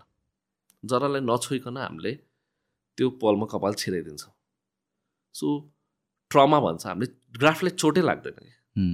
हेर्नुहोस् ए the concept of hair transplant अहिले के केतिर फोकस छ भने हामीले झिकेको कपाल सबैलाई सर्भाइभ गराउने हो। कि यदि हामीले सर्भाइभ गराएनौँ भने के हुन्छ तपाईँले पच्चिस सय कपाल झिक्नु त भयो उम्रिने बेला पाँच सय मात्र उम्रिने अनि धेरै मान्छेहरू देख्छ कपाल अलिक. पातेलो छरेको कपाल. मात्र देख्छ होइन छरेको मात्र देख्छ अनि त्यो अननेचुरल लुक दिन्छ कि सो फोकस सुड बी कि जति कपाल झिक्यो सबै उम्रिनु किन तपाईँले एकचोटि कपाल डोनर एरियाबाट झिकेपछि त्यहाँ पनि उम्रिँदैन उम्. र त्यो मरिसकेछ भने त रोपेको भागमा त्यो वेस्ट भयो कि। Again this is this to me was very surprising कि जुन स्पेसली एफयुटीमा त्यो हुने भयो होइन त एउटा लेयर नै त्यसो भए कपाल छिकेको ठाउँमा त्यहाँ कहिले पनि नउम्रिने भयो। अँ त्यो लेयरलाई हामीले बन्द चाहिँ गर्छौँ नि टाकाले तै पनि। दाग एउटा बस्ने भयो। दाग बस्छ तर त्यो खाली चाहिँ त्यो खाली नै हुने भयो नि त। एउटा सुचर लाइन भन्छौँ। अब कसैको कसैकोले ठुलो हुन्छ कसैको सानो हुन्छ। तर इभन एफयुई होस् अथवा डाइरेक्ट हेयर ट्रान्सफर झिकेको कपाल त उम्रिँदैन नि। तर I mean like it's concealed in a way होइन किनभने it is if if done properly त्यो. थाहा हुँदैन झिकेको। थाहा हुँदैन झिकेको तर कति पेसेन्टले मलाई सोध्छ यो कुरा। उनीहरूको चाहिँ मन दिमागमा के हुन्छ भने मेरो झिकेको कपाल त त्यहाँ उम्रिहाल्छ नि भनेर। पछाडि कस्तो हुन्छ नि पछाडि अब डोनर एरियामा धेरै कपाल हुन्छ लाइक। अलमोस्ट मिनिमम तपाईँको राम्रो डोनर कसैको छ भने तिस पैँतिस हजारसम्म पनि हुनसक्छ अब कम्प्रोमाइज पनि छ भने पन्ध्र बिस हजार कपाल हुन्छ। सो हामीले त्यो झिक्ने कसरी हो भने त्यो थाहा नपाउने गरी। लाइक एक बाल्टी पानी छ त्यहाँबाट एक दुई ग्लास पानी झिक्यो भने सायद थाहा हुँदैन भिजिबली तर तपाईँले धेरै झिक्यो भने त त्यो पानी पनि कम भएको थाहा पाउनु त्यस्तै हो। सो हुनसक्छ कसैको हामीले दुई हजार झिक्न सक्छौँ कसैको कसै- कसैको एकदमै डेन्स छ भने पाँच हजार पनि झिक्न सक्छौँ होला होइन? सो त्यो झिक्ने कसरी एउटा झिक्यो त्यसको वरिपरिको कपाल so that it is concealed त्यो छोपिन्छ। सो त्यसैले हामीले के बुझ्नु पऱ्यो भने हामीसँग डोनर सप्लाई रोप्न सक्ने कपाल चाहिँ हामीसँग सधैँ लिमिटेड हुन्छ कि? अनलिमिटेड सप्लाई हुँदैन। त्यसैले क ग्राफ्टको भ्याल्यु छ। कतिचोटि चाहिँ कस्तो हुन्छ नि अब मेरोमा पेसेन्टहरू आउँछ पहिला कहीँ गराइसकेछ अनि रिपेयर गराउन आएको हुन्छ। मोस्टली के हुन्छ भने उनीहरूको डोनर एरियाबाट झिकेको हुन्छ रोपेको भाग उनीहरू मन परेको हुन्छ। तर डोनर एरियामा पनि कपाल झिक्न सक झिक्नै मिल्दैन कि? किनभने अब हामीले त्यो डोनरबाट अझै झिक्यौँ भने त्यो पातलो देख्न थाल्छ। अब एक ठाउँको बनाएर अर्को ठाउँ बिगार्ने कुरा आउँदैन। So what we should under patient should understand that donor area एकदम भ्यालुबल हो कि यसलाई हामीले सही तरिकाले यसलाई युटिलाइज गर्न सकेनौँ भने रिजल्ट पनि कम्प्रोमाइज हुनु हुनसक्छ रिजल्ट कम्प्रोमाइज कहिले रिपेयर गर्न पनि मिल्दैन कि सो जुन बडी हेयर पनि युज गर्न मिल्छ भन्नुहुन्छ हाउ प्र्याक्टिकल इज द्याट गर्छन्। अब सपोज कसैको तालु पनि एकदम धेरै छ। अब पछाडिबाट लिमिटेड कपाल झिक्नु झिक्न सक्छ अब अप्सन के छ भने त्यो पुरै ठुलो बल्ड एरियामा हामीले थोरै कपाल छरिएर राखिदियो भने त पातलो देखिन्छ। नेचुरल देखिनको लागि त बाक्लो अलिक बाक्लो त हुनु पऱ्यो नि त। अब कपाल पछाडिबाट झिक्ने लिमिटेड हो हामीलाई अझै कपाल चाहिएछ। सो केटा मान्छेहरूमा हामीले कतिचोटि दाढीको कपाल युज गर्छौँ स्पेसली जसको तालु पनि धेरै छ। अर कसैको पछाडिबाट इनफ कपाल नै झिक्न मिल्दैन। That is also very commonly done होइन वर अबाउट अरू मान्छेको हेयर ट्रान्सप्लान्ट गर्न मिल्छ मिल्दैन त्यस्तो? अरूको कपाल झिकेर रोपिदिने। कस्तो हुन्छ भने त्यो मिल्दैन। किन म तपाईँले भन्छु किन? तपाईँको बडीमा एउटा इम्युन सिस्टम हुन्छ त्यसले आफ्नो कुरालाई चिन्छ। अब यो कपाल मेरो हो यो छाला मेरो हो यो दाँत मेरो हो यो लिभर मेरो हो यो किडनी भने तपाईँको बडीको इम्युन सिस्टमले चिन्छ। इम्युन सिस्टममा अब तपाईँले बाहिरको कुरा राख्नुभयो भने त्यसलाई। अट्याक गर्न थाल्छ। सो हामीले अरू अरू कसैको झिक्यौँ रोप्यौँ तर तपाईँको इम्युन सिस्टमले त्यसलाई ओहो यो त मेरो कपाल होइन यसको मेकअप इज डिफ्रेन्ट यो immune system will attack the hair and त्यो कपाललाई मारिदिन्छ। सो कपाल ग्रो हुँदैन। अर्को कुरा त्यो एट्याक गर्ने बेलामा अब अरू साइड इफेक्ट्सहरू पनि हुनसक्छ. होइन? स्किनमा केही प्रब्लम्सहरू हुनसक्छ कपालमा केही प्रब्लम्स हुनसक्छ। So it is not advisable कि हामीले अरू कसैको कपाल युज गर्ने ट्रान्सप्लान्ट सो यो जुन सात आठ घन्टाको प्रोसेस छ इज इट वान गो कि ब्रेक्स लिँदै हुन्छ? होइन बिचमा ब्रेक हुन्छ एकदम। ओके किनभने अब एकदम it is a very focus जब नि त होइन? Mhm. तपाईँको मान्छेहरूले त्यो म्याग्निफिकेसन सिस्टम डक्टरहरूले लगाएको हुन्छ। टाइम पनि लाग्छ। सो पेसेन्ट पनि अब बस्दा त्यहाँ लाइ डाउन गर्दा गर्दा उसलाई पनि बोर भइहाल्छ प्लस भोक पनि लाग्छ हाम्रो पनि ठुलो टिम हुन्छ। सो इनफ्याक्ट हामीले एभ्री टु थ्री आवर्समा ब्रेक लिन्छौँ मेजर लन्च ब्रेकहरू हुन्छ बिचमा टी कफी स्न्याक्सहरू हुन्छ सो वी वान्ट कि पेसेन्टलाई पनि धेरै टायर्ड फिल उसको ओभरअल एक्सपिरियन्स पनि राम्रो होस् र बिच बिचमा ब्रेक लियो भने he feels better your hair growth will be good कति ठाउँमा चाहिँ अब कस्तो हुन्छ भने एक दिनमै they do five six thousand graft हालिदिन्छ ब्रेकै हुँदैन कन्टिन्युस पेसेन्टले गरिरहेको हुन्छ तर के हुन्छ नि internally you don't feel better you are exhausted you are त्यो भने चाहिँ तपाईँको हेयर Hmm. ग्रोथ पनि कम्प्रोमाइज हुन्छ कि सो एक दिनमै गर्नुपर्छ भन्ने पनि जरुरी छैन? छैन टु टु कन्जिक्युटिभ डेज पनि गर्छौँ हामीले। कसै कसैको अब धेरै ग्राफ्ट छ भने थ्रीसम्म पनि जान्छौँ होइन?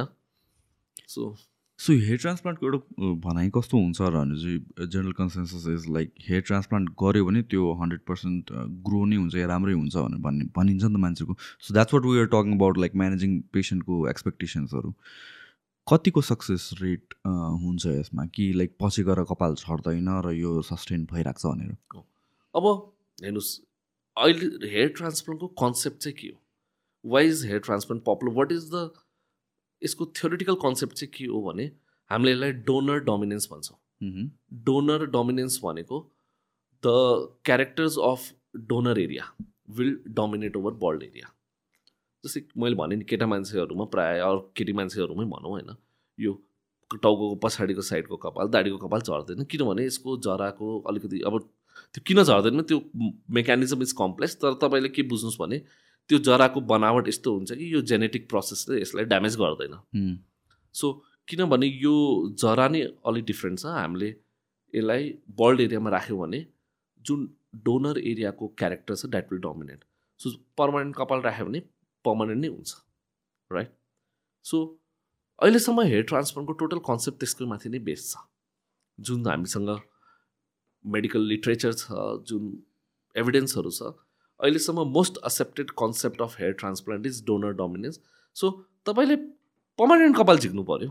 अब मानव कसैको अलिकति मात्र झरेछ ऊ ट्रान्सप्लान्ट गराउन गयो तर उसको पर्मानेन्ट कपाल झिकेन अलिक माथिबाटको कपाल झिकेर राखिदियो। तर त्यो कपाल त पर्मानेन्ट होइन नि। Okay so an experience and qualified doctor जसले गरिरहेछ उसले थाहा छ कि पर्मानेन्ट जोन कुन हो कुन कपाल झिक्नुपर्छ होइन? र त्यही भएर अब तर एउटा कुरा के भन्नु भने हेयर ट्रान्सफर पर्मानेन्ट हुन्छ कि हुँदैन भनेर तपाईँले मह्म, सोध्नुभयो। मानौ मलाई यो जेनेटिक हेयर लस मात्रै छ है? मैले ट्रा मलाई बल्डनेस हुन सुरु भयो मैले ट्रान्सप्लान्ट गराएँ मेरो ट्रान्सप्लान्टको आउटकम राम्रो भयो। As long as I'm apparently healthy अहिलेसम्मको हेयर ट्रान्सप्लान्टको जुन थ्योरी छ त्यसले गर्दा मेरो कपाल नझर्नु पर्ने तर what if I have some other conditions of hair मैले कपाल झर्ने धेरै कारण हुन्छ। सपोज केही कारणले मलाई मेरो हेमोग्लोबिनको मात्रा कम भएर आइरन आइरन पनि एकदम लो डाउन भयो अथवा मलाई न्युट्रिसनल डेफिसियन्सी भयो। अथवा मैले कुनै कुनै औषधि यस्तो खाएँ जसले कपाल झर्न सक्छ। जसले चाहिँ माथिको भागको कपाललाई मात्र अफेक्ट गर्दैन सम ओभरअल कपाललाई अफेक्ट गर्छ. कसैलाई अब थाइरोइडको प्रब्लम छ थाइरोइडले कपाल झऱ्यो भने त्यसमा केटाहरूको माथिको मात्र कपाल जाँदैन ओभरअल टाउको कपाल जान्छ। न्युट्रिसनल डेफिसियन्सी छ भने त्यसमा पनि माथिको मात्र कपाल जाँदैन ओभरअल टाउको कपाल झर्छ. मलाई अरू कुनै त्यस्तो रोग लाग्यो कुनै त्यस्तो कन्डिसन आयो भने त त्यसमा त मेरो इम्प्लान्टेड हेयर पनि त झर्न सक्छ नि त। जस्तै म तपाईँलाई एउटा एक्सपिरियन्स भन्छु। अराउन्ड सेभेन इयर्स ब्याक मैले एउटा देहरादुनमा एउटा जिम ट्रेनरको हेयर ट्रान्सप्लान्ट गरेको थिएँ this guy was from Dehradun ऊ चाहिँ दिल्ली आएर मसँग ट्रान्सप्लान्ट गरायो सो उसले ट्रान्सप्लान्ट गरायो two two years around two years back उसले मलाई फोन गर्यो। मह्म. कि डक्टर साहब I'm losing all my transplanted hair transplanted hair मेरो पातलो भइरहेछ। सो इभन हामी पनि अब एकचोटि म तिमीलाई त्यसो भए म दिल्ली आउँदैछु म तिमीलाई भेट्छु। भनेर म दिल्ली मेरो जाने पालो पनि म क्लिनिकमा उसलाई बोलाएँ मैले भेटेँ सो एक्चुली उसको ट्रान्सप्लान्ट कपाल पातलो थियो. सो ऊ चाहिँ आफ्नो करियर चाहिँ उसले हेभी वेट लिफ्टिङ च्याम्पियनमा सिफ्ट गरेँ कि एन्ड देन अब किन झऱ्यो त कपाल भन्ने पनि हामी पनि अलिकति सो उसले चाहिँ के गरेको थियो भने उसले केही सप्लिमेन्ट्सहरू सुरु गरेको थियो which contain anabolic steroids. This is very common in heavy. Weight lifting champion. र एनाबोलिक स्टिरोइडले चाहिँ जिउको टाउको कपाललाई सबैलाई पातलो झार्न सक्छ पातलो गर्न सक्छ सो उसले मलाई भन्यो कि यो औषधि मैले लगभग तिन चार वर्षदेखि खाइरहेको छु म हेभी वेट लिफ्टिङतिर लागेँ सो उसको कपाल झर्नुको कारण चाहिँ ट्रान्सप्लान्ट फेल भएर होइन तर उसले. कुनै एउटा यस्तो औषधि लियो जसले चाहिँ टाउको पुरै टाउको कपाल पनि गर्न सक्छ। त त्यसमा त अब ट्रान्सप्लान्टेड पनि झर्छ ट्रान्सप्लान्ट नगरेको पनि झर्छ। सो. उसको ओभरअलै थिन भइसकेको थियो। अब त्यस्तै अब- क्यान्सर पेसेन्टहरू हुन्छ। अब Mhm. मेरो पेसेन्टहरू एक दुईवटा थियो जसले ट्रान्सप्लान्ट चाहिँ गरायो अब तर उनीहरूलाई पछि क्यान्सर भयो। अनि क्यान्सरको उनीहरूले किमोथेरापीहरू रेडियोथेरापी लिने बेला हामीले हेर्छौँ नि क्यान्सर पेसेन्टको कपाल उठ्छ। अब उसको ट्रान्सप्लान्ट कपाल पनि त्यति बेला उड्यो। So we have to understand कि कहिलेसम्म कुन कन्डिसनमा ट्रान्सप्लान्ट पर्मानेन्ट हो कुन बेला हुँदैन? र यदि ट्रान्सप्लान्टेड कपाल पातलो भइरहेछ भने त्यसको कारण पनि हामीले बुझ्नुपर्छ। तर if you are apparently healthy तपाईँको प्रोसिजर सही तरिकाले भएको छ भनेपछि ट्रान्सप्लान्ट एउटा पर्मानेन्ट उपचार हो। So when we're talking about ठ्याक्क फिटनेसकै कुरा गरेर आएको छु इन जेनरल वर्कआउटहरूले कतिको एफेक्ट गर्छ यो hair लसमा does it hair loss increase गर्ने त्यस्तो केही हुन्छ र? किन होइन? हुँदैन। Exercise if as you have it is for your general body health general body तर एक्सर्साइजले गर्दा चाहिँ कपाल झर्ने त्यस्तो is not something which I know of किनभने युजली कुरा के आइन्छ भनेपछि वर्कआउट गर्न थालेपछि टेस्टोस्टेरोन बुस्ट हुन्छ अनि डिएसटीमा कन्भर्जन बेसी हुन्छ भनेर त्यसले इन्डाइरेक्टली एफेक्ट गर्छ कि भन्ने कुराहरू पनि आउँछ। नि वान अफ द सप्लिमेन्ट जुन it's heavily debated is creatine so क्रिएटिनको कुरा पनि आउँछ। क्रिएटिन लेभल्स क्रिएटिन कन्ज्युम गरेपछि डिएसटी इन्क्रिज हुन्छ कि भन्ने कुराहरू चाहिँ it's it's concerning to a lot of peoples त्यसको केही डेटाहरू छ र? हेर्नुहोस् म्याक्सिमम् मैले चाहिँ हेरेको जस्तो स्पेसली यो अलि वर्कआउटहरू गर्ने मान्छेहरूमा द्याट फर्स्ट अफ अल अब त्यो सप्लिमेन्ट्सहरू खान्छन् होइन. अब दे टेक मेरोमा पनि पेसेन्टहरू आउँछ होइन? अब even we have found that even most of the reputed brands they contain anabolic steroid True. त्यो भएको छ। That might be the cause of hair loss or maybe we are attributing this to something else right? So maybe workout or everything not playing role. So creatine we know अब हेर्नुहोस् यदि मैले balance diet भनेको के हो? Balance diet भनेको तपाईँको सबै कुरा ब्यालेन्स त्यो त्यो घटी पनि राम्रो होइन बढेको पनि राम्रो होइन। यदि कुनै तपाईँको बडीको न्युट्रिसनल प्यारामिटर बढ्छ हाम्रोमा हुन्छ कोही मान्छेहरू ऱ्यापिड वेट लुज जब गर्छ नि इभन जिम गर्ने उनीहरूको. हेयर लस हुन्छ it is very common because the nutritional parameters get deranged अब यो वेलनेस क्लिनिकहरूमा जान्छ दे गो अनि न्युट्रिसनल प्यारामिटर्सहरू जस्तै वेट लस त्यस्तै कोही मान्छेहरूलाई अब यो बुलिमिया भन्ने बुलिमिया नर्भसा भन्ने जस्तै जे पाइदिए खाइदिने धेरै खाने होइन अनकन्ट्रोल खाने त्यस ओभर न्युट्रिसन हुन थाल्छ अनि त्यसले पनि Mm. कपालको लागि राम्रो होइन सो. यस जिममा पनि वर्कआउट गरेर भन्दा पनि यदि तपाईँको ऱ्यापिड वेट लसहरू भइरहेछ जसले चाहिँ तपाईँको न्युट्रिसनल प्यारामिटर्सहरूले अफेक्ट गरेको छ त्यो चाहिँ इभन म भिएलसिसीमा हुने बेला त्यस्तो हुन्थ्यो बिकज भिएलसिसीको एउटा सेगमेन्ट भनेको वेट लस हो. सो वेट लस क्लिनिकबाट हामीलाई धेरै पेसेन्ट हेयरफल लिएर आउँछ। किनभने उनीहरू ऱ्यापिड वेट लस गर्दै जाँदा चाहिँ न्युट्रिसनल प्यारामिटर्सहरू डिरेन्ज हुन्थ्यो।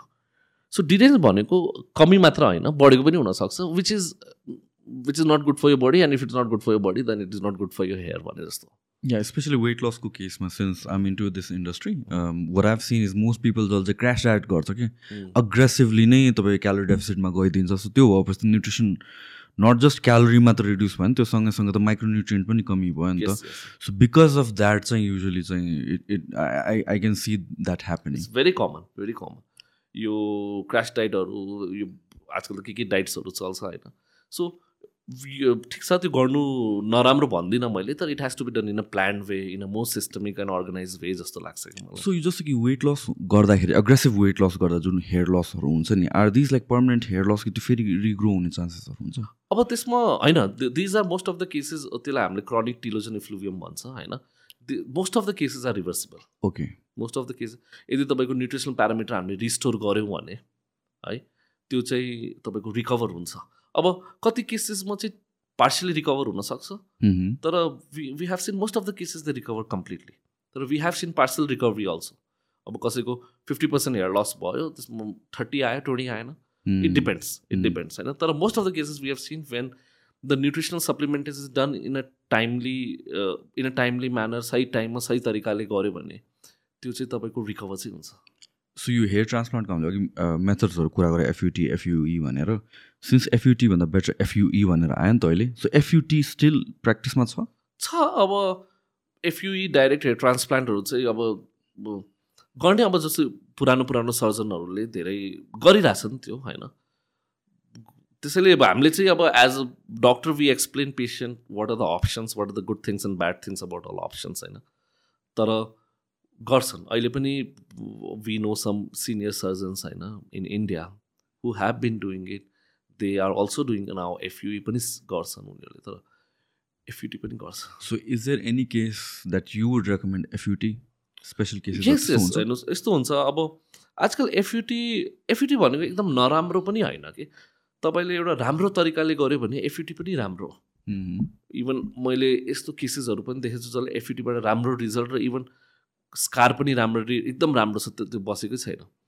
यो स्पेसली इम्पोर्टेन्ट के हुन्छ नि हामीले जब धेरै कपाल चाहिन्छ नि एकदम ठुलो तालुपनको एरिया छ ट्युबबाट बडी हेयरहरू पनि त्यति लिमिटेड अप्सन छ भने हामीले कम्बिनेसन गर्छौँ कि एफयुटी पनि गर्ने सँगैसँगै डाइरेक्ट हेयर ट्रान्सप्लान्ट दुइटै गर्ने भनेर हामीले एफयुटी अर एफयुई डिएचटीको कम्बिनेसन चाहिँ गर्छौँ। सो यसले त्यसले चाहिँ हामीले धेरै ग्राफ्ट पाउँछौँ कि। सो आई रेकमेन्ड तर अब आजकल के भइसक्यो भने अब I don't know why people are so much against FUT also होइन maybe because the pus the probability of side effect is more in them so र मान्छेलाई अब त्यो स्टिचको कुरा गर्ने टाकाको कुरा गर्ने बित्तिकै त्यो अग्री नै गर्दैन है कतैले सो होइन it's not that it's completely outdated चाहिँ होइन देयर आर कन्डिसन्स चाहिँ त्यो पनि चाहिन सक्छ त्यो चाहिन सक्छ त्यो. हो गर्नु पनि पर्छ मलाई लाग्छ तर it is very difficult to convince patient कि even this is safe. Effective होइन। राम्ररी गऱ्यो भने चाहिँ अब उनीहरूले सोध्छ कि वाट इज द प्रोभाबिलिटी मलाई यस्तो हुन्छ हुन्छ। अब हामीले भन्यो भने उनीहरूलाई लाग्छ कि होइन? The chances of side effects are more म. I am not ready to so at at least हामीले उनीहरूलाई त्यो भन्नु चाहिँ पर्छ होइन? सो यो हेयर ट्रान्सप्लान्टकै कुरामा चाहिँ we see that hair transplant गर्नु वी गो कम्प्लिटली बल्ड होइन पछाडिको हेयर ल्याएर अगाडि ल्याउँछ। न इज आर देयर केसेस जहाँ चाहिँ people are day to day work छ या त्यस्तो केसेसमा जहाँ चाहिँ going completely bald is not an option अनि त्यसपछि just like but they want transplant as well it's completely bald भन्दा पनि हामीले सेभ गर्ने होइन हामीले ट्रिम Mhm. गर्ने हो। ओके ट्रिमरको एक नम्बरमा राखेर हामीले ट्रिम गर्ने हो होइन। Mhm. अब हुन्छ स्पेसली अब फिमेल्सहरूलाई हेर्नु अब हामीले फिमेल्समा ट्रान्सप्लान्ट गर्नु पऱ्यो भने धेरै जसो दे डोन्ट अग्री कि पुरै कपाल फालेर गर्ने सो त्यो अप्सन हुन्छ कि हामीले त्यसमा डोनर एरियाको एउटा सानो भाग ट्रिम गरेर जहाँ रोप्नुपर्ने भागलाई ट्रिम नगरेर पनि गर्न. सक्छौँ। छ। त्यस्तो। तर त्यो प्रोसेसहरू अब फिमेल्समा त it is very commonly done without trimming हामीले फिमेल्समा धेरै ट्रान्सप्लान्टहरू गर्छौँ। मेल्सहरू most in my practice most of them agree ठिक छ doctor it is. Socially acceptable होइन? गराउँछन् उनीहरूले। अब कसैले छ कि मलाई होइन त्यो ट्रिम नगरिकनै गरिदिनुहोस् होइन? मलाई त अब अफिस जानु छ or I just can't accept myself being bald for like this so त्यस्तो केसमा हामीले गर्छौँ तर तपाईँ त्यस्तो मेथोडोलोजीमा जानुभयो भने के बुझ्नु पऱ्यो भने the time taken for the procedure might increase suppose मैले ट्रिम गरेर एक दिन म दुई हजार तिन हजार चार हजार रोपौँला तर त्यति बेला मैले ट्रिम नगरिकन मैले धेरै रोप्न सक्दिनँ। है हामीले अनि टाइम अलिक टिडियस हुँदै जान्छ तपाईँको प्रोसिजरहरू कस्टली पनि हुन्छ त्यस्तो। तर if people are okay with it then and they okay बुझिसकेछ हो यो छ भने pros and cons बुझेपछि we do it in females it is very commonly done होइन? मेल्सहरूमा पनि there are some few cases which I have done without trimming so यो केसेसमा cost rise हुन्छ भनेपछि टेन्टेटिभली कति पर्सेन्टले राइज हुन्छ होला? सी मैले आफ्नो खास म त्यति फाइनेन्स हेर्दिनँ आफ्नो अफिसमा होइन? तर आई बिलिभ अब इट डिपेन्ड्स होइन अब कसको कति लामो कपाल छ it would be at least up by I think fifty percent but I am not very sure about the figures but still it's a It's probability only, it's like गर्न सकिन्छ त्यसरी पनि या या If it- गर्न it's an option. And it's just as safe. यस safe procedure is same होइन procedure apart from the trimming thing everything is same होइन the steps same त्यही पन्चले झिक्ने त्यही पल बनाउने त्यही रोप्ने हो होइन किनभने we see we talk about सेलिब्रिटिजहरू बलिउडमा हलिउडमा उनीहरूले ट्रान्सप्लान्ट गरे आउँछ but we don't see them bald right अब मिडियामा आउने नआउने टाइम पनि होला कन्सिल। गर्ने but we assume people who are let's चाहिँ अन क्यामरा जहिले पनि ओर रेगुलर जब जाँदा they have to show up they cannot afford to go bald त्यहाँ चाहिँ अप्सन के छ भनेर एक्सप्लोर गर्न खोजेको क्या मैले चाहिँ and one of the things about hair transplant चाहिँ युजली नोटिस हुने भनेको चाहिँ हेयर लाइन हो. इट काइन्ड अफ लुक्स एकदमै टु पर्फेक्ट टु हुन्छ त्यो नेचुरल नै देख्दैन कि? त्यस्तो कन्डिसनमा चाहिँ लाइक त्यो नेचुरल त्यो हेयर लाइनलाई चाहिँ कतिको ध्यान दिइन्छ र कसरी लाइक हुन्छ नि अलिक नेचुरल बनाउन सकिन्छ? एउटा जस्तै राम्रो ट्रान्सप्लान्ट नराम्रो ट्रान्सप्लान्ट के हो भनेर हामीले पेसेन्टहरूलाई बुझाउँदा चाहिँ के भन्छ भने तपाईँलाई कुनै नयाँ मान्छेले देख्यो भने after transplant he should not be able to find out that you have undergone something त्यसलाई चाहिँ नेचुरल भन्छ हामीले नेचुरल ट्रान्सप्लान्ट यदि तपाईँको नेचुरल छैन भने मान्छेले थाहा पाउँछ नयाँ मान्छे अब कसैले तपाईँको साथीभाइहरूले जसले तपाईँले देखिरहेछ भेरी. फ्रिक्वेन्ट उसले त थाहा पाइहाल्छ। या तिमी पहिला त तालु थियो अहिले त कपाल आयो. कस्तो छ भने तर अब कोहीले तपाईँले पहिला भेटे होइन नयाँ मान्छेले थाहा नै नहो त्यसलाई नेचुरल र नेचुरलको लागि दुईवटा कुरा चाहिन्छ। एउटा डेन्सिटी अर्को डिजाइन डेन्सिटी भनेको तपाईँको कपाल कति बाक्लो छ एकदम पातलो छ भने त अननेचुरल देख्छ। र अर्को डिजाइन हेयरलाइन डिजाइन भन्छौँ। सपोज अगाडि हामीले कपाल रोप्नु पऱ्यो भने एउटा हामीले फ्रेम त बनाउनु पर्छ नि कि कहाँबाट रोप्ने कुन डिजाइनमा रोप्ने भनेर। And this is actually one of the most important factor for good results र यो धेरै कुरामा डिपेन्ड गर्छ। मेलको हेयरलाइन फिमेल जस्तो हुँदैन। केटाहरूको अलिकति भित्र गएको हुन्छ यसरी. केटीहरूको यसरी गोलो हुन्छ होइन। अर्को कुरा चाहिँ डिपेन्ड गर्छ। अब जस्तै नर्मल ट्रेन्ड के हुन्छ भने मेरो आज कपाल यस्तो छ मेबी म अलिक बुढो हुँदै गयो भने मेरो हेयरलाइन अलिक माथि पनि जान्छ भित्र त्यो एउटा नर्मल मेच्योरिटी अफ हेयरलाइन हुन्छ। So age is very important factor मैले बिस बाइस वर्षको केटाको ट्रान्सप्लान्ट गर्नु र मैले साठी वर्षको केटाको मेलको ट्रान्सप्लान्ट गर्नुमा फरक हुन्छ। मैले उसलाई छुट्टै डिजाइन दिनुपर्छ। जुन चाहिँ उसको एजले पनि र उसको फेसको मेच्योरिटी उसको फेस अब उसको कोही मान्छेको फेस नै सिक्सटी इयर्सको छ उसलाई मैले ट्वेन्टी इयर्सको केटाको जस्तो हेयरलाइन त दिँदैन नि। सो मैले कति माथि राख्ने कति टर्न कर्वेचर कस्तो राख्ने। So this is very important so age एउटा भयो फेस फेसको स्ट्रक्चर कस कसैको लाम्चो फेस छ कसैको अलिकति गोलो छ कसैको अलिकति रेक्ट्याङ्गुलर छ। एज जेन्डर रेस होइन सबै कुराले फरक पार्छ कि हेयरलाइन सो विथ टाइम के हुन्छ भने एउटा सर्जन एक्सपिरियन्स हुँदै गएपछि उसले यो कुरा एकदम सिक्छ कि। एकदम हि हि लर्न्स कि what is the perfect hairline र उसले यो कुरामा एक्सेल गर्दै जान्छ। र हेयरलाइन कस्तो हुनुपर्छ कस्तो दिने इभन हेयरलाइन डिजाइन आफ्नो पार्टमा छ डिजाइनमा हेयरलाइनमा अब धेरैचोटि हामीले एकदम स्ट्रेट स्ट्रेट हुन्छ तर hairline should be a bit zigzag त्यसमा सुरु सुरुमा we put very soft thin hairs so hair transplant is not only science के hair transplant is an art also and this is very important for a good outcome your design hairline design is very crucial. And we see lot of cases हामीले धेरै cases हेर्छौँ कि patients they have they are they are unsatisfied with the hairline design after transplant.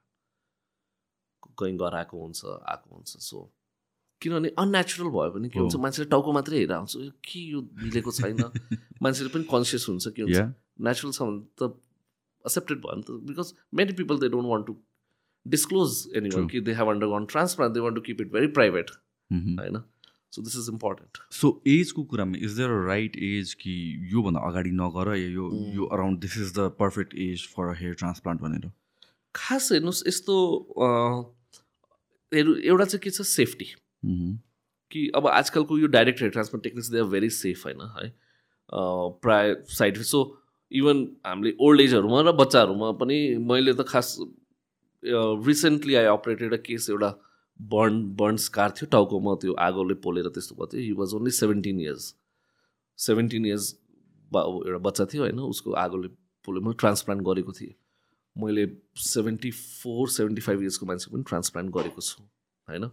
So safety wise चाहिँ I have I not encountered any problem you know it is safe तर कस्तो हुन्छ भने अलिक यङ मान्छेहरूमा हामीले सोच्नुपर्ने कुरा चाहिँ यो कतिचोटि आउँछ मेरो क्लिनिकमा कि अलिकति यो हेयरलाइन साइडबाट जान थाल्यो भने दे बिकम कन्सियस अनि आउँछन् डक्टर साहब दिस इज वरिङ मी अनि ट्रान्सप्लान्ट गराउनु भन्छ। सुरुमा यदि सानो उमेरमा तपाईँको तालुपन सुरु हुन्छ भने पोसिबिलिटी के हुन्छ नि प्रोभाबिलिटी पोसिबिलिटी इज द्याट त्यो तालुपन बिस्तारै बढ्ने चान्सेस ऱ्यापिडली बढ्ने चान्सेस हुन्छ कि सबैमा हुन्छ भन्ने छैन तर चान्सेस छ। सो कोही आयो अब उसको तालुपन अब बिस एक्काइस वर्षको केटा आयो मेरोमा तालुपन एकदम थोरै छ। मैले उसको त्यो कभर गराएँ। अब भोलि पर्सि उसको तालुपन बढ्यो। ल ट्रान्सप्लान्ट गरेको कपाल त झरेन तर ट्रान्सप्लान्ट गरेको पछाडिको एरियाको कपालहरू त झर्न सक्छ नि त। केटा मान्छेको त माथिको भागको पुरै कपाल जान सक्छ उसको तालुपन बढ्यो सो अब उसले के गर्नु पर्यो उसले फेरि ट्रान्सप्लान्ट गराउनु पऱ्यो उसले फेरि ट्रान्सप्लान्ट गर्नुभयो त्यसको लागि डोनर पनि हुनु पऱ्यो राइट सो हामीले स्पेसली म यङ पेसेन्टहरूलाई यो कुरा भन्छु कि? ठिक छ बाबु म तिम्रो यो अहिलेको त कभर गरिदिउँला तर यो जुन अरू हामीले हेयरफल रोक्ने ट्रिटमेन्टहरूको कुरा गऱ्यौँ जस्तै मिन पिआरपी मिन अक्सिडिल यस्तो तिमीले यस्तो कुराहरू गरेको चाहिँ राम्रो हुन्छ कि?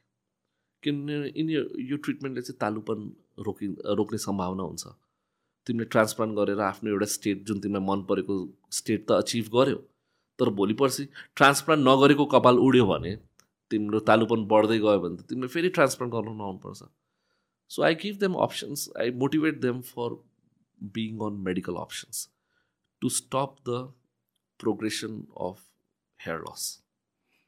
अब त्यही फेरि हेयर लस औषधि यो नन मेडिकल नन सर्जिकल अप्सनको प्रब्लम के छ भने I don't want to use it for entire lifetime मलाई यो यस्तो गर्नु नै छैन भने okay then be mentally prepared that in case your baldness progresses in the future तालुपन बढ्यो भने you might require a second transplant and I am not sure whether you will have sufficient donor at that point म त्यति बेला हेरेर मात्र भन्न सक्छु कि तिम्रो सेकेन्ड ट्रान्सप्लान्ट पोसिबल छ कि छैन.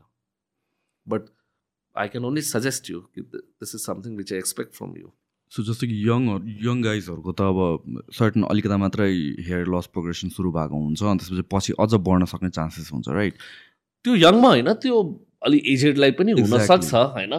तर यङमा प्रोभाबिलिटी इज हाई के द प्रोग्रेसनको प्रोभाबिलिटी इज हाई सपोज अलिकति झरेको कपाल अलिकति अगाडिबाट झऱ्यो अब कोही फिफ्टी इयर्सको मान्छे आइरहेछ भने उसको प्रोग्रेसन हुने chances will be a bit less when we compare it with the guy who is twenty twenty one years old र यस्तो मान्छेहरूमा चाहिँ के हुन्छ भने अलिकति यङ मान्छेहरूमा एक्सपेक्टेसन्स पनि हाई हुन्छ।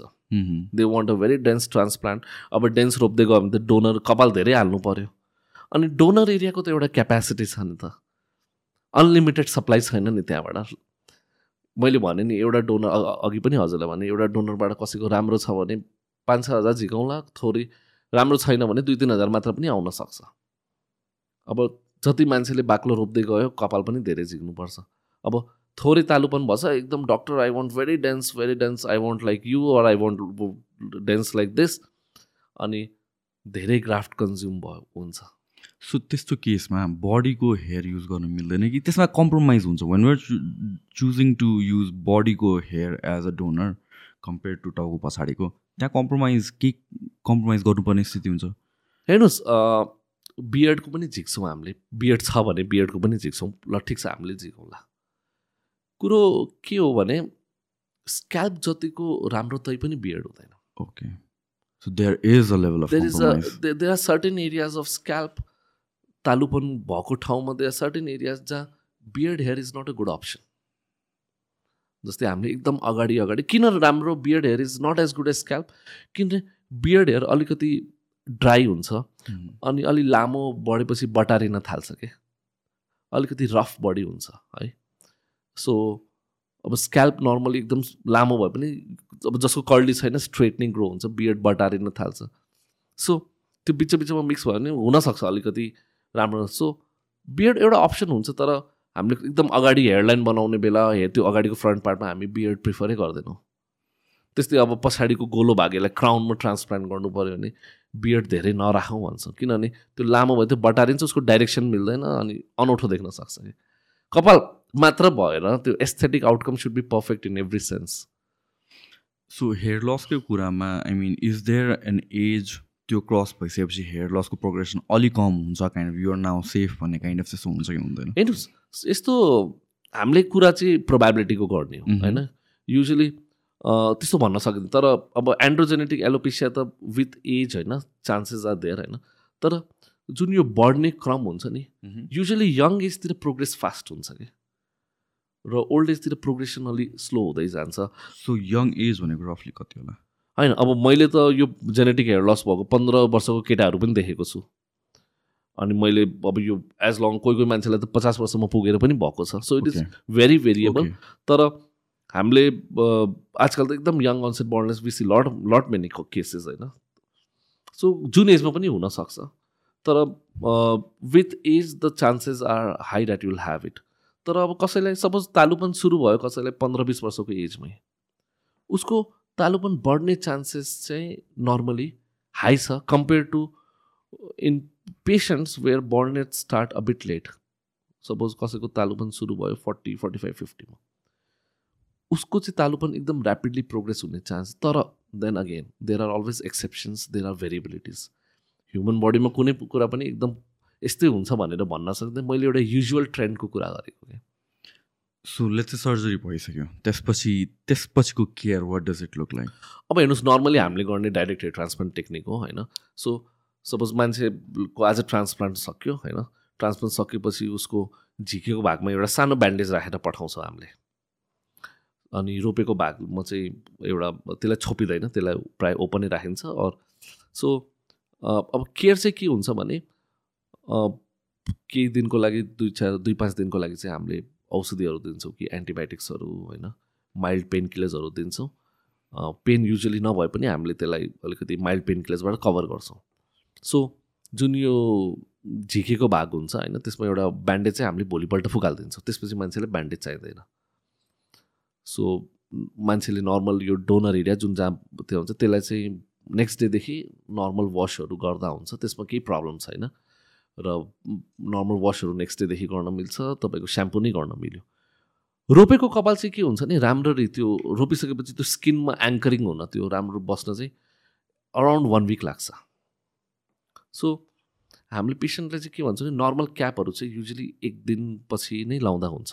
Loose fitting. क्यापहरू तर किनभने त्यो कपाल एकदम राम्ररी बसेको छैन अलि वान विकसम्म तपाईँले केही ध्यान दिनुपर्नेको जस्तै हेलमेटहरू नलाउने। तपाईँले सुत्ने बेला यो रोपेको कपाल क्रस हुनु भएन पिलो र तपाईँको टाउको बिचमा क्रस हुनु भएन सो सुत्ने बेला अलिकति ध्यान दिने घोप्टो परेर नसुत्ने होइन? सो यो कुराहरू हुन्छ र तपाईँले वास चाहिँ अब वान विक अगाडि गऱ्यो भने चाहिँ माइल्ड वासहरू गर्नु पऱ्यो होइन? सो अरू चाहिँ के हुन्छ नि यो रोप्ने रोपेको भागमा चाहिँ कपालहरूलाई हामीले एकदम भिग्रस वास चाहिँ वान विकलाई अभोइड गर्छौँ र कपाललाई अलिकति न्युट्रिसन पाओस् भनेर अलिकति हाइड्रेटेड होस् भनेर एउटा स्प्रे पनि दिन्छौँ। सो फाइभ टु सेभेन डेजमा हामीले के हुन्छ नि एउटा रोपेको भागमा फाइनल वास चाहिँ गर्छौँ। बुझ्नु भएन फाइनल वास गरेपछि सानो सानो कपाल देखिन थाल्छ। अब यो कपाल चाहिँ के हुन्छ नि रोपेको दुई तिन हप्तापछि झर्न सुरु हुन्छ। सो एउटा कुरा के बुझ्नु पऱ्यो भने ट्रान्सप्लान्टको राम्रो रिजल्ट आउन पनि सिक्स टु टुवेल्भ मन्थ्स चाहिँ लाग्छ। ओके सुरुमा तपाईँले जुन मान्छेले वान विकमा जुन फाइनल हेड वास गरेपछि जुन सानो सानो कपाल देख्छ त्यो रोपेको रोपेकै दुई तिन हप्तापछि बिस्तारै झर्न थाल्छ। ढल्न थाल्छ अनि मान्छेहरू आतिन्छ कति मान्छेहरू आउँछ हाम्रोमा। डक्टर साहब मैले कपाल त रोप्यो त्यो त झऱ्यो so you should not be worried this is something which is inevitable it is bound to happen you know three मन्थ्सपछि बिस्तारै कपाल आउन थाल्छ। यो नर्मली मैले भनेको है नर्मल पेसेन्टहरूमा देखिने। बिस्तारै बिस्तारै कपाल बाक्लो हुँदै जान्छ कपाल आउँदै गर्छ आउँदै गर्छ र सिक्स टु नाइन मन्थ्समा एउटा राम्रो रिजल्ट आउँछ। सो अनि अब यो के हुन्छ गराइसकेपछि कति पेसेन्टहरूमा चाहिँ दुई तिन दिनमा स्वेलिङ आउँछ कि यो निधारहरूमा अलिकति स्वेलिङ आउन सक्छ सबैमा आउँदैन। त्यो स्वेलिङ चाहिँ पेनलेस हुन्छ। तर we have to tell patient कि दिस क्यान ह्यापन अब कोही कोही डराउँछ अलिकति अलिकति स्वेलिङ आयो त्यो स्वेलिङ बिस्तारै यो आँखातिर पनि आउनु। त्यो पेनलेस हुन्छ त्यसलाई खासै केही औषधि पनि गर्नु पर्दैन। त्यो within five to seven days त्यो ठिक पनि भइहाल्छ। त्यसलाई औषधिहरू पनि केही गर्नु पर्दैन। सो एउटा यो साइड इफेक्टको लागि पनि बुझाउनु जरुरी हुन्छ कि स्वेलिङ आयो भने तपाईँ आत्तिनु हुँदैन है? सो अरू खास मेजर साइड इफेक्ट्सहरू चाहिँ ट्रान्सप्लान्टको अब राम्रो ठाउँमा गराएको छ राम्रो टिमसँग गराएको छ भने हुँदैन। रोपेको भागमा हल्का नमनेस चाहिँ हुन्छ। जहाँ हामीले कपाल रोप्यौँ त्यहाँ अब त्यो नमनेस ठिक हुन चाहिँ टु विक्स अब कुनै कुनै पेसेन्ट्सहरूमा हामीले दुई तिन महिनासम्म पनि नमनेस भएको देखेको छौँ तर नर्मली टु टु फोर विक्समा नमनेस पनि ठिक भइहाल्छ। सो त्यो पार्ट मेन्टेन गर्नलाई मिनोक्सिडिलहरू फेरि लाउनुपर्छ कि पर्दैन त्यो एरियामा ट्रान्सप्लान्टेड कपाललाई नै तपाईँले मिनोक्सिडिल खास मेन्टेनेन्सको लागि चाहिँदैन। तर के हुन्छ भने अब नर्मली हामीले रिसर्चहरू गर्दाखेरि तपाईँले कुनै अब इन्टरनेसनल वेबसाइट्सहरू हेर्नुभयो भने ट्रान्सप्लान्टको राम्रो रिजल्ट आउनलाई चाहिँ बाह्रदेखि अठार महिना भनिरहेको हुन्छ कि धेरै जस्तो डक्टरहरूले। So what minoxidil does after transplant मैले ट्रान्सप्लान्ट गरेको ठाउँमा मिनोक्सिडिल लगायो भने चाहिँ अलिकति रिजल्ट चाहिँ फास्ट आउँछ। सो धेरै जसो अब हेयर ट्रान्सप्लान्ट डक्टर्सहरूले त्यसै कि use minoxidil for at least six months just to make the result faster होइन so it is now recommended कि सिक्स मन्थ्सको लागि त्यसपछि पेसेन्टलाई अप्सन छ if he doesn't want to take then he can stop it so it's not like त्यो general case जस्तो जहाँ चाहिँ मिनोक्सिडिल बन्द गरेपछि कपाल झर्दैन। यो कपाल त पातलो. हुने कपाल होइन नि त. So for transplanted is is option अब कोही मान्छेको एकदम लिमिटेड तालुपन छ उसले त्यहाँ रोप्यो. त्यहाँको लागि त उसले मिनोक्सिडिल छोड्यो तर अरू कपाललाई बचाउनको लागि if you wants to use then that is an option किनभने मिनोक्सिडिल त प्रो प्रोग्रेसन रोक्छ नि त होइन। राइट राइट त्यो हिसाबले चाहिँ उसले मेन्टेन गर्नको लागि नझरोस् भनेर प्रिभेन्सन अरू कपाल चाहिँ मैले अगाडि रोप्दै कसो अगाडि गर्छ तर उसको पछाडिको कपाल त जान सक्छ नि त। अब तालुपन if is an unfortunate candidate उसको तालुपन बढ्दै जान सक्ने सम्भावना छ भने एटलिस्ट मिनोक्सिडिलले त्यो सम्भावनालाई चाहिँ कम गर्छ। ओके सो यो अहिले हामीले डिस्कस जति कुराहरू गऱ्यौँ त्यो बाहेक कि अरू फ्याक्टर्स छ जसले डिटरमाइन्स द सक्सेस अफ यो हेयर ट्रान्सप्लान्ट प्रोसिजर कि यही यिनीहरूकै कन्सर्नमा सी पर्छ मेजर सक्सेस त यही हो है। अब तपाईँको टेक्निक्सहरू भयो the qualification of the team the doctors होइन। हाउ अब मेन चाहिँ एउटा इम्पोर्टेन्ट पार्ट चाहिँ के छ भने किनभने रिजल्ट आउनु सिक्स टु टुवेल्भ मन्थ्स लाग्छ। यो प्रोग्रेसन हेर्नु पऱ्यो क्या। So you it is suggested that you be in touch with the clinic for till you have good results राम्ररी ग्रोथ सही टाइममा भएको छैन छ कि छैन भनेको so follow up is also very important transplant गरायो अब कपाल उम्रिहाल्छ भने मान्छे हराउँछ नि that is not a good idea. बिच बिचमा अब मोस्टली अब हाम्रोमा पेसेन्ट्सहरू ठिक छ बाहिरबाट आएको हुन्छ होइन so we आक्स them to mail us their progression we also reach to them होइन अनि के छ कस्तो छ हामी उनीहरूलाई सोध्छ सो र अर्को के हुन्छ सक्सेस फेलियर्स सबै कस्तो छ भने पेसेन्टको एक्सपेक्टेसनलाई म्याच गराउने हो क्या। मेरो मेरोमा मैले भने नि कोही एकदम धेरै तालुपन भएको मान्छे आयो उसलाई म जस्तो कपाल चाहिन्छ। हामी यो बारेमा कुरै गरेनौँ। ल तपाईँको ट्रान्सप्लान्ट गर्ने भन्यो उसले गर्यो। तर उसको कपाल आयो। As a doctor I know उसको राम्रो रिजल्ट छ तर उसको एक्सपेक्टेसन त पुरा भएन नि। सो त्यसलाई हामीले सक्सेस भन्ने कि फेलियर त त्यो त तपाईँको लागि सक्सेसै होला। त्यो त्यो पेसेन्टको लागि फेलियर हो. Sir that's what this alignment is very important that's why I give a very strong focus on consultation part I try to understand कि पेसेन्टको मनमा के छ उसको expectation what does he want success failures मलाई लाग्छ त्यसले बडी डिफाइन गर्छ है अरू हाम्रो टेक्निकल पार्ट त मोरलेस हामीले सबैमा गर्ने काम एउटै हो। एउटा हामीले हेर्ने भनेको डोनर एरियाको quality that is very important कतिचोटि देयर आर सम इन्स्टेन्सेस जहाँ पछाडिको कपालको क्वालिटी नै राम्रो हुँदैन। सो राम्रो नराम्रो भनेको त्यो कपाल राखे पनि हामीले त्यो आउटकम पाउन सक्दैनौँ। सो त्यो हेर्न पनि जरुरी छ। सो एउटा सर्ट ब्रेक लिउँ न हामी। हुन्छ। कन्टिन्यू सो हेयर ट्रान्सप्लान्टको टपिकमा कुरा गर्दाखेरि हामीलाई इट्स रिलेटिभली एउटा बल्ल वेभ आइरहेछ नि त मान्छेहरूले बल्ल बुझ्न खोजिरहेछ। सो एनी इन्डस्ट्री यस्तो केसमा चाहिँ मिथहरू बेसी हुन्छ कि? सो रिगार्डिङ हेयर ट्रान्सप्लान्टको प्रोसिजर्स मोस्ट कमन मेथड चाहिँ के हो? मैले चाहिँ अब सुरुमा नेपाल आउने बेला जब ट्रान्सप्लान्टहरू सुरु गरेको त्यति बेला चाहिँ त्यति अवेरनेस थिएन कि मान्छेलाई। लाइक धेरै जसो क्लिनिकमा आउने मान्छेलाई थाहा नै थिएन कि ट्रान्सप्लान्ट के हुन्छ कस्तो हुन्छ अहिले त फर्चुनेटली धेरै कुरा थाहा छ कि पेसेन्टलाई। तैपनि अब कहिलेकाहीँ पेसेन्टहरू आउँछ अब सोध्छ कि अब मैले अब हेयर ट्रान्सप्लान्ट गर्ने टाउकोमा हो होइन? अब मेरो ब्रेनलाई त अफेक्ट पार्दैन मलाई त्यो टाउको दुखिराख्ने समस्या त हुँदैन होइन? अब हेयर ट्रान्सप्लान्ट भनेको एउटा सुपरफिसियल प्रोसेस हो कि? जस्तै मान्छेको टाउकोमा छाला हुन्छ छालाको तल बोसो हुन्छ बोसोपछि त्यो मासु मासु हड्डी हड्डीभित्र चाहिँ ब्रेन हुन्छ। अब म छालाको डक्टर हो म छालाभन्दा तल जानै मिल्दैन होइन?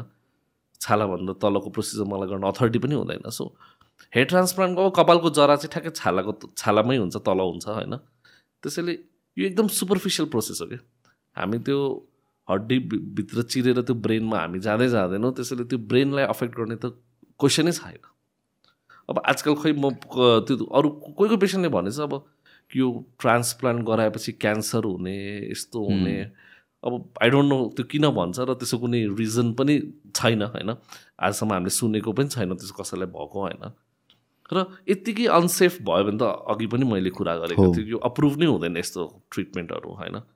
सो अनि कतिले थाहा हुँदैन अब मेरो ट्रान्सप्लान्ट गरेको कपाल चाहिँ उम्रिन्छ काट्न पनि मिल्छ जताततै फर्काउन मिल्छ होइन? सो अनि कतिले भन्छ कि अब यो केट केटा केटी केटाहरूमा मात्र गर्न मिल्छ केटीहरूमा गर्न मिल्दैन। अब ट्रान्सप्लान्ट केटाकेटीहरूको तालुपनमा मात्र होइन जस्तै आजकल त अब ट्रान्सप्लान्ट हामीले यो पोलेको खतहरूमा आइब्रोमा गर आइब्रो ट्रान्सप्लान्ट गर्छौँ। दाढी पनि रोप्छ मान्छेहरूले है बियर्ड ट्रान्सप्लान्ट मुस्टाच ट्रान्सप्लान्ट होइन। सो अरू धेरै कन्डिसनमा पनि ट्रान्सप्लान्ट हेयर ट्रान्सप्लान्ट गर्न सकिन्छ है। सो यस्तै कमन मिथ्सहरू चाहिँ ट्रान्सप्लान्ट सम्बन्धी यही छ। सो यो जुन यो कन्सर्न्स जुन हेल्थको कन्सर्न्स आयो नि त क्यान्सर होला एन्ड अल द्याट थिङहरू आई थिङ्क यो त this is somehow related to unsafe practices पनि होला। लाइक अनक्वालिफाइड डक्टर्सहरू जसले अनक्वालिफाइड डक्टर्स त नभनौँ अनक्वालिफाइड पिपल जसले गरिदिइरहेको छ। सो यो कन्भर्सेसन गर्दाखेरि we have to address like पोलिसिजहरू र जनरल गाइडलाइन्सहरू कस्तो गर्न दिने कस्तो गर्न नदिने या हुनुपर्ने चाहिँ के हो? गभर्मेन्टको कतिको intervention this is very important specially अब जब हाम्रो कन्ट्रीमा होइन अब के छ भने the way it is good कि we have new and new hair transplant clinics coming up तर राम्रो गर्ने काम गर्ने त कति आइरहेछ भन्ने कुरा पनि बुझ्नु जरुरी छ। सी पहिलो सुरु चाहिँ अब हामीले के बुझ्नु पऱ्यो भने transplant requires a huge degree of experience also. मान्छेको कपाल रोप्यो हामीले कपाल रोप्न रिजल्ट आउनै छदेखि बाह्र महिना लाग्छ र म एउटा डक्टर छु भने मैले गरेको कामको आउटकम हेर्न म मात्र मलाई सिक्स टु टुवेल्भ मन्थ्स लाग्ने भयो नि त यदि मैले त्यो पेसेन्टलाई फलोअप गरिरहेको छु सो मेरो कामको आउटकम बुझ्नलाई मात्रै मैले धेरै सर्जरिजहरू गर्नुपर्छ. देन ओन्ली मैले के सही गरिरहेको छु कि गलत गरिरहेको छु थाहा हुन्छ। सो यो तपाईँले दस दिनमा गरेर सिक्ने कुरा होइन। सो रेगुलेसन्सहरू इम्पोर्टेन्ट छ कि हामीले अथोरिटिजहरूबाट चाहिँ के हुनुपर्छ नि ट्रान्सप्लान्ट गर्नको लागि के क्वालिफिकेसन चाहिन्छ? कति एक्सपिरियन्स चाहिन्छ? के के एक्रेडिसन्सहरू चाहिन्छ? सो त्यो अथराइ अथराइजेसन दिनु पऱ्यो त्यसको एउटा क्राइटेरिया सेट गर्नु पऱ्यो क्लिनिकमा कस्तो क्राइटेरिया हुनुपर्छ? क्लिनिकको के के गाइडलाइन्सहरू छ? त्यो बनाउनु पऱ्यो प्रोसिजर गराउने एउटा स्ट्यान्डर्ड अफ प्रोसिजर म्यानुअल भन्छौँ हामीले त्यो एउटा डिजाइन हुनुपर्छ। कि कसले गर्न पाउने? टिममा को को हुन्छ? टिममा भएको मान्छे कसले के गर्न पाउने? दिस इज भेरी इम्पोर्टेन्ट र एउटा मेजर कुरा पेसेन्ट्सहरू मिसलिड भएको चाहिँ के हुन्छ नि मैले गर्ने काम एउटा छ मेरो सोकेसमा अर्कै कुरा गरेर जस्तो सोसियल मिडियामा आजकल होइन? राइट मैले गर्ने काम एउटा छ तर मैले एडभर्टिजमेन्ट चाहिँ अर्कै गरिरहेको छु। पुरा मैले भने नि एकदम अनरियलिस्टिक रिजल्ट्स अर उसको कामै होइन त्यो जुन त्यो। सो त्यस्तो एडभर्टिजमेन्ट्सहरू त्यस्तो अनरियलिस्टिक कुराहरूमा पनि रोक लगाउनु जरुरी छ। त्यस्तो र के छ भने कन्ज्युमर राइट्स कन्ज्युमर प्रोटेक्सनको लागि पनि they should be an dedicated body जहाँ कन्ज्युमरहरू आफ्नो कम्प्लेन लज गरेर त्यो उनीहरूको सिरियसली त्यो कुराहरूलाई एड्रेस गरेर त्यो सल्भ हुन त छ हाम्रो पनि काउन्सिलहरूमा यस्तो प्रावधानहरू छ। त्यसलाई अझै हामीले स्ट्रिमलाइन गर्न सक्यौँ भने राम्रो त्यो अझै राम्रो एक्सपिरियन्स हुनसक्छ। सो र हामीले जुन क्राइटेरियाहरू ले डाउन गरेको छ त्यो प्रपरली फलो भइरहेको छ कि छैन अडिट सिस्टमहरू होइन त्यसको इन्सपेक्सन सिस्टमहरू एउटा सेड्युल हुनुपर्छ है यसको डेटा कलेक्सन हुनुपर्छ यसको रिपोर्टिङ हुनु पर्छ कि साइड इफेक्ट्सहरू भएको छ छैन त्यो। सो ओभरअल एउटा रोबस्ट सिस्टम चाहिँ आउनुपर्छ। क्या सो अहिले एट दिस पोइन्ट रेगुलेसन्सहरू भन्ने कतिको छ कि छैन? सी अहिले जुन मैले लास्ट टु थ्री इयर्स म like I am very much like hopeful होइन? जुन हाम्रो काउन्सिलतिर पनि यो कुरामा यो because illegitimate practices are very common bad practices बढेको छ। काउन्सिलमै नेपाल मेडिकल काउन्सिलबाट पनि योतर्फ चाहिँ उनीहरूको ध्यान गएको छ। एन्ड एउटा जुन प्रिपेरेसन र जुन काम भइरहेछ मलाई लाग्छ कि sooner we will have some good policies on this so in terms of certain medical प्रोसिजर्सहरू we talk about medical tourism पनि डिफ्रेन्ट कन्ट्रिजहरूमा पनि for some kind of medical प्रोसिजरको लागि there famous and lot of people in flow होइन नेपालको कन्टेक्समा पनि they are certain इन्डस्ट्रीहरू specially यो मेडिकल टर्म्समा चाहिँ जहाँ चाहिँ सर्टन प्रोसिजर्सको लागि people fly in especially because of कस्टको कारणले हुनसक्छ अर एफिसियन्सी अफ वर्कको कारणले हुनसक्छ। हेयर ट्रान्सप्लान्टलाई चाहिँ तपाईँ कसरी हेर्नुहुन्छ एज अ मेडिकल टुरिज्मको पर्सपेक्टिभबाट this I see a lot of potential यो सेक्टरमा चाहिँ मेडिकल टुरिज्म किनभने यो मैले आफैले एक्सपिरियन्स गरेको कुरा हो होइन? जस्तै सुरु सुरुमा नेपालमा हाम्रो जुन आउने मोस्टली पेसेन्ट्सहरू पहिला यहीँको हुन्थ्यो। नेपा नेपालमा बस्ने लोकल मान्छेहरू बिस्तारै अब यहीँ हाम्रो बाहिर बस्ने नेपालीहरूले पनि थाहा पायो होइन? अनि उनीहरूलाई आफ्नै अब घर आएको छुट्टीमा आएको बेला चाहिँ गराउने त्यो मोटिभेसन हुन्थ्यो होइन? अब यहीँ राम्रो छ भने म अन्त्यतिर किन गराउने? विदेशतिर महँगो पनि छ। फेरि त्यसैले बिस्तारै एउटा ट्रस्ट फ्याक्टर यहाँ बढ्दै गयो। So we we witness lot of patients from abroad mostly Nepalese अब के भन्छ यो नेप्लिज त्यहाँको नर्मल त्यहाँको नेटिभ पपुलेसनको पनि कन्ट्याक्टमा आउँछ। सो दिस चेन्ज स्ट्याब्लिस अब कोही नेपाली छ कुनै अफिसमा काम गरिरहेछ अब उसको अफिस अफ फर्नर छ उसलाई पनि मन पऱ्यो उसको। र ऊ पनि नेपाल आएर गरायो। सो मेडिकल मैले अब आफैले नेपालमा यो छ सात वर्षमा र इभन इन्डियामा वि हामीसँग लगभग फोर्टी फाइभ कन्ट्रिजबाट पेसेन्ट्सहरू आइसकेछ फरेन नेसनल्सहरू नै नट ओन्ली नेप्लिज सो आइसिए बिकज टुरिस्टको लागि पनि यो राम्रो ठाउँ छ पनि हाम्रो नेपालमा त टुरिस्टहरू आइरहन्छ एज अ टुरिस्ट र medical tourism has a great potential तर मेडिकल टुरिज्ममा हामीले फेस गरेको च्यालेन्जेसहरू पनि छन्. नभएको होइन. कस्तो हुन्छ भने बाहिरको मान्छेहरू आउने बेला एउटा उनीहरूको थट चाहिँ के हुन्छ भने नेपालमा राम्रो हुन्छ र भन्ने पनि हुन्छ क्या। Is Nepal a good place safe छ कि छैन यहाँ होइन?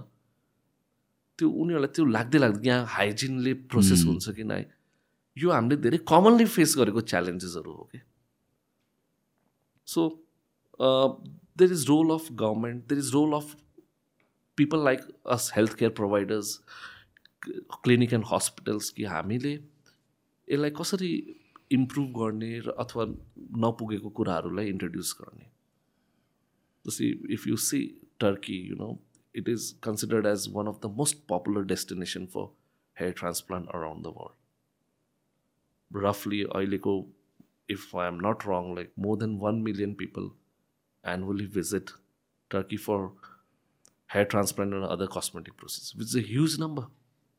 र अहिले हाम्रो नेपालमा पनि गभर्मेन्टको फोकस छ for increasing the tourist flow tourism सेक्टरमा they is lot of investment going on so parallelly हामीले कुनै यस्तो कुराहरूलाई पनि प्रमोट गर्न सक्यौँ भने this is going to be good for the country also so they are certain things अब जस्तै अघि रेगुलेसन्सको कुरा गर्दाखेरि पनि we have to make people assure that the guidelines here the regulations are good you will be in safe hand क्लिनिकहरू जेपेदे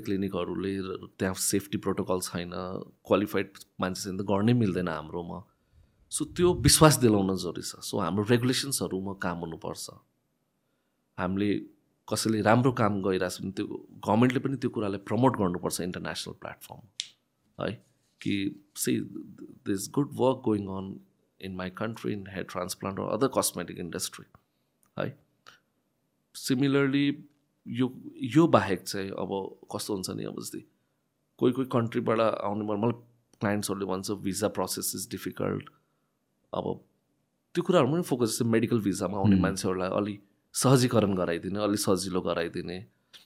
उनीहरूलाई अब मेडिकल टुरिज्मको लागि आइरहेको छ घुम्ने पार्टहरू पनि त्यही सँगै मिलाइदिने। अब ल्याङ्ग्वेज डिफ्रेन्सेसहरू हुन्छ एयरपोर्टहरूमा ट्रान्सलेटर्सहरू हुनु पऱ्यो होइन अब। मेडिकल टुरिज्मको लागि त मान्छे जहाँबाट पनि आउन सक्छ नि त। सो ल्याङ्ग्वेजमा उनीहरूलाई गाह्रो नहोस्। इभन क्लिनिक्सहरूमा ट्रान्सलेटर्सहरू लाइक बाहिरतिर राख्छन् किनभने धेरै कन्ट्रिजबाट मान्छे आउँछ उनीहरूलाई। सो यो कुराहरू चाहिँ यसमा हाम्रो यदि it is actually it's not very late but this has a great potential मलाई चाहिँ लाग्छ भने कि it is one thing which our government should focus is medical tourism in at least cosmetic industry like hair transplant okay so in terms of finally कस्टको कुरा गर्ने हो भने चाहिँ वाट आर द फ्याक्टर्सहरू चाहिँ कस्ट डिटरमाइन गर्छ किन किनभने again we talked about एकदमै सस्तोमा पनि गरिदिइरहेको छ एकदमै महँगोमा पनि गरिदिइरहेको छ मेबी प्रोसिजर अनुसारले पनि फरक होला सो के फ्याक्टर्सहरू हुन्छ त्यस्तो अब कस्ट चाहिँ धेरै कुराले इफेक्ट गर्छ होइन अब कस्ट एउटा पेसेन्टकै बारेमा कुरा गर्ने पनि कसैको तालु पनि धेरै छ भने धेरै छ भने उसलाई धेरै कपाल राख्नुपर्छ धेरै कपाल राख्यो भने टाइम धेरै इन्स्ट्रु सबै कुरा धेरै भएकोले अब त्यो कस्ट बढ्छ। जति तालुपन बढ्दै गयो जति कपाल राख्दै गयो अब त्यो अब कुन तरिकाबाट गराउने पनि जस्तै अब एफयुटीबाट गराउने कि एफयुईबाट गराउने कि डाइरेक्ट हेयर ट्रान्सप्लान्ट गराउने अब त्यसमा चाहिँ अब जति तपाईँ सजिलो पेसेन्ट एडभान्स टेक्निकमा जानुभयो कस्ट पनि महँगो हुँदै जान्छ। अर्को एउटा मेन फ्याक्टर चाहिँ कस्टको लागि के चाहिँ हुन्छ नि तपाईँको टिम कस्तो छ तपाईँको मेन डक्टरको experience qualification this is one of the major factor which decide the cost कि तपाईँको सक्सेसको प्रोभाबिलिटी त एक्सपिरियन्स र एउटा क्वालिफिकेसन राम्रो भएको डक्टरले गर्दा the probability of success increases so experience of the doctor qualification of the doctor अनि अर्को तपाईँको क्लिनिकको ओभरअल इन्फ्रास्ट्रक्चर इक्विपमेन्ट्स होइन? What kind of equipments you're using infrastructure कस्तो छ तपाईँले पेसेन्टको प्रोसिजर बाहेक उसको कम्फर्ट अरू कम् अब लामो प्रोसेस हुन्छ। तपाईँले उसलाई कसरी कम्फर्टिङ कम्फर्ट इन्भाइरोमेन्ट दिइराख्नु भएको छ इन्फ्रास्ट्रक्चर यो हावर स्टाफिङ प्याटर्न तपाईँको स्टाफ्सहरू कस्तो छ सबै कुरामा। सो इफ वी यसमा चाहिँ अब इन्फ्रास्ट्रक्चर इक्विपमेन्ट्सहरूमा यदि if some clinic has is invested more then definitely the cost would be more होइन? सो अब नेपालमा पनि अब कस्ट भेरिएसन हुन्छ होइन? अब हामीले कुनै प्राइम ठाउँमा क्लिनिक खोलेछौँ अब दरबारबागमा क्लिनिक खोलेछौँ भने कस्ट डिफ्रेन्ट होला। कुनै अब सानो ठाउँ त्यो त्यस्तो पस एरियामा खोलेको छैन भने सायद कस्ट कम होला होइन? सो कस्टको लागि धेरै फ्याक्टर्स हुन्छ हुन्छन् होइन? तर मेन चाहिँ यही फ्याक्टर्सहरू okay so finally if people want to reach out to you for transplant how do they reach out के के छ प्रोसेस सो मेरो क्लिनिक चाहिँ यहाँ बालवाटारमा छ होइन? बालवाटार चोकमै छ। गुगल क्लिनिकको नाम चाहिँ फलिडम हो होइन? It is difficult to spell होइन? तर एफओएलएलआइडिइआरएम तपाईँले गुगल म्याप्सबाट नेभिगेट गरेर पनि आउन सक्नुहुन्छ है? हाम्रो वेबसाइट पनि छ त्यहाँ कन्ट्याक्ट डिटेल्स छ फोन नम्बरहरू होइन? So people can call or they can also email so हाम्रो वेबसाइटमा सबै हाम्रो इन्फर्मेसनहरू पनि छ। And they can reach out to us है त doctor that was an interesting information सबै कुराहरूमा thank you so much for your time thank you thank you so much है बाई बाई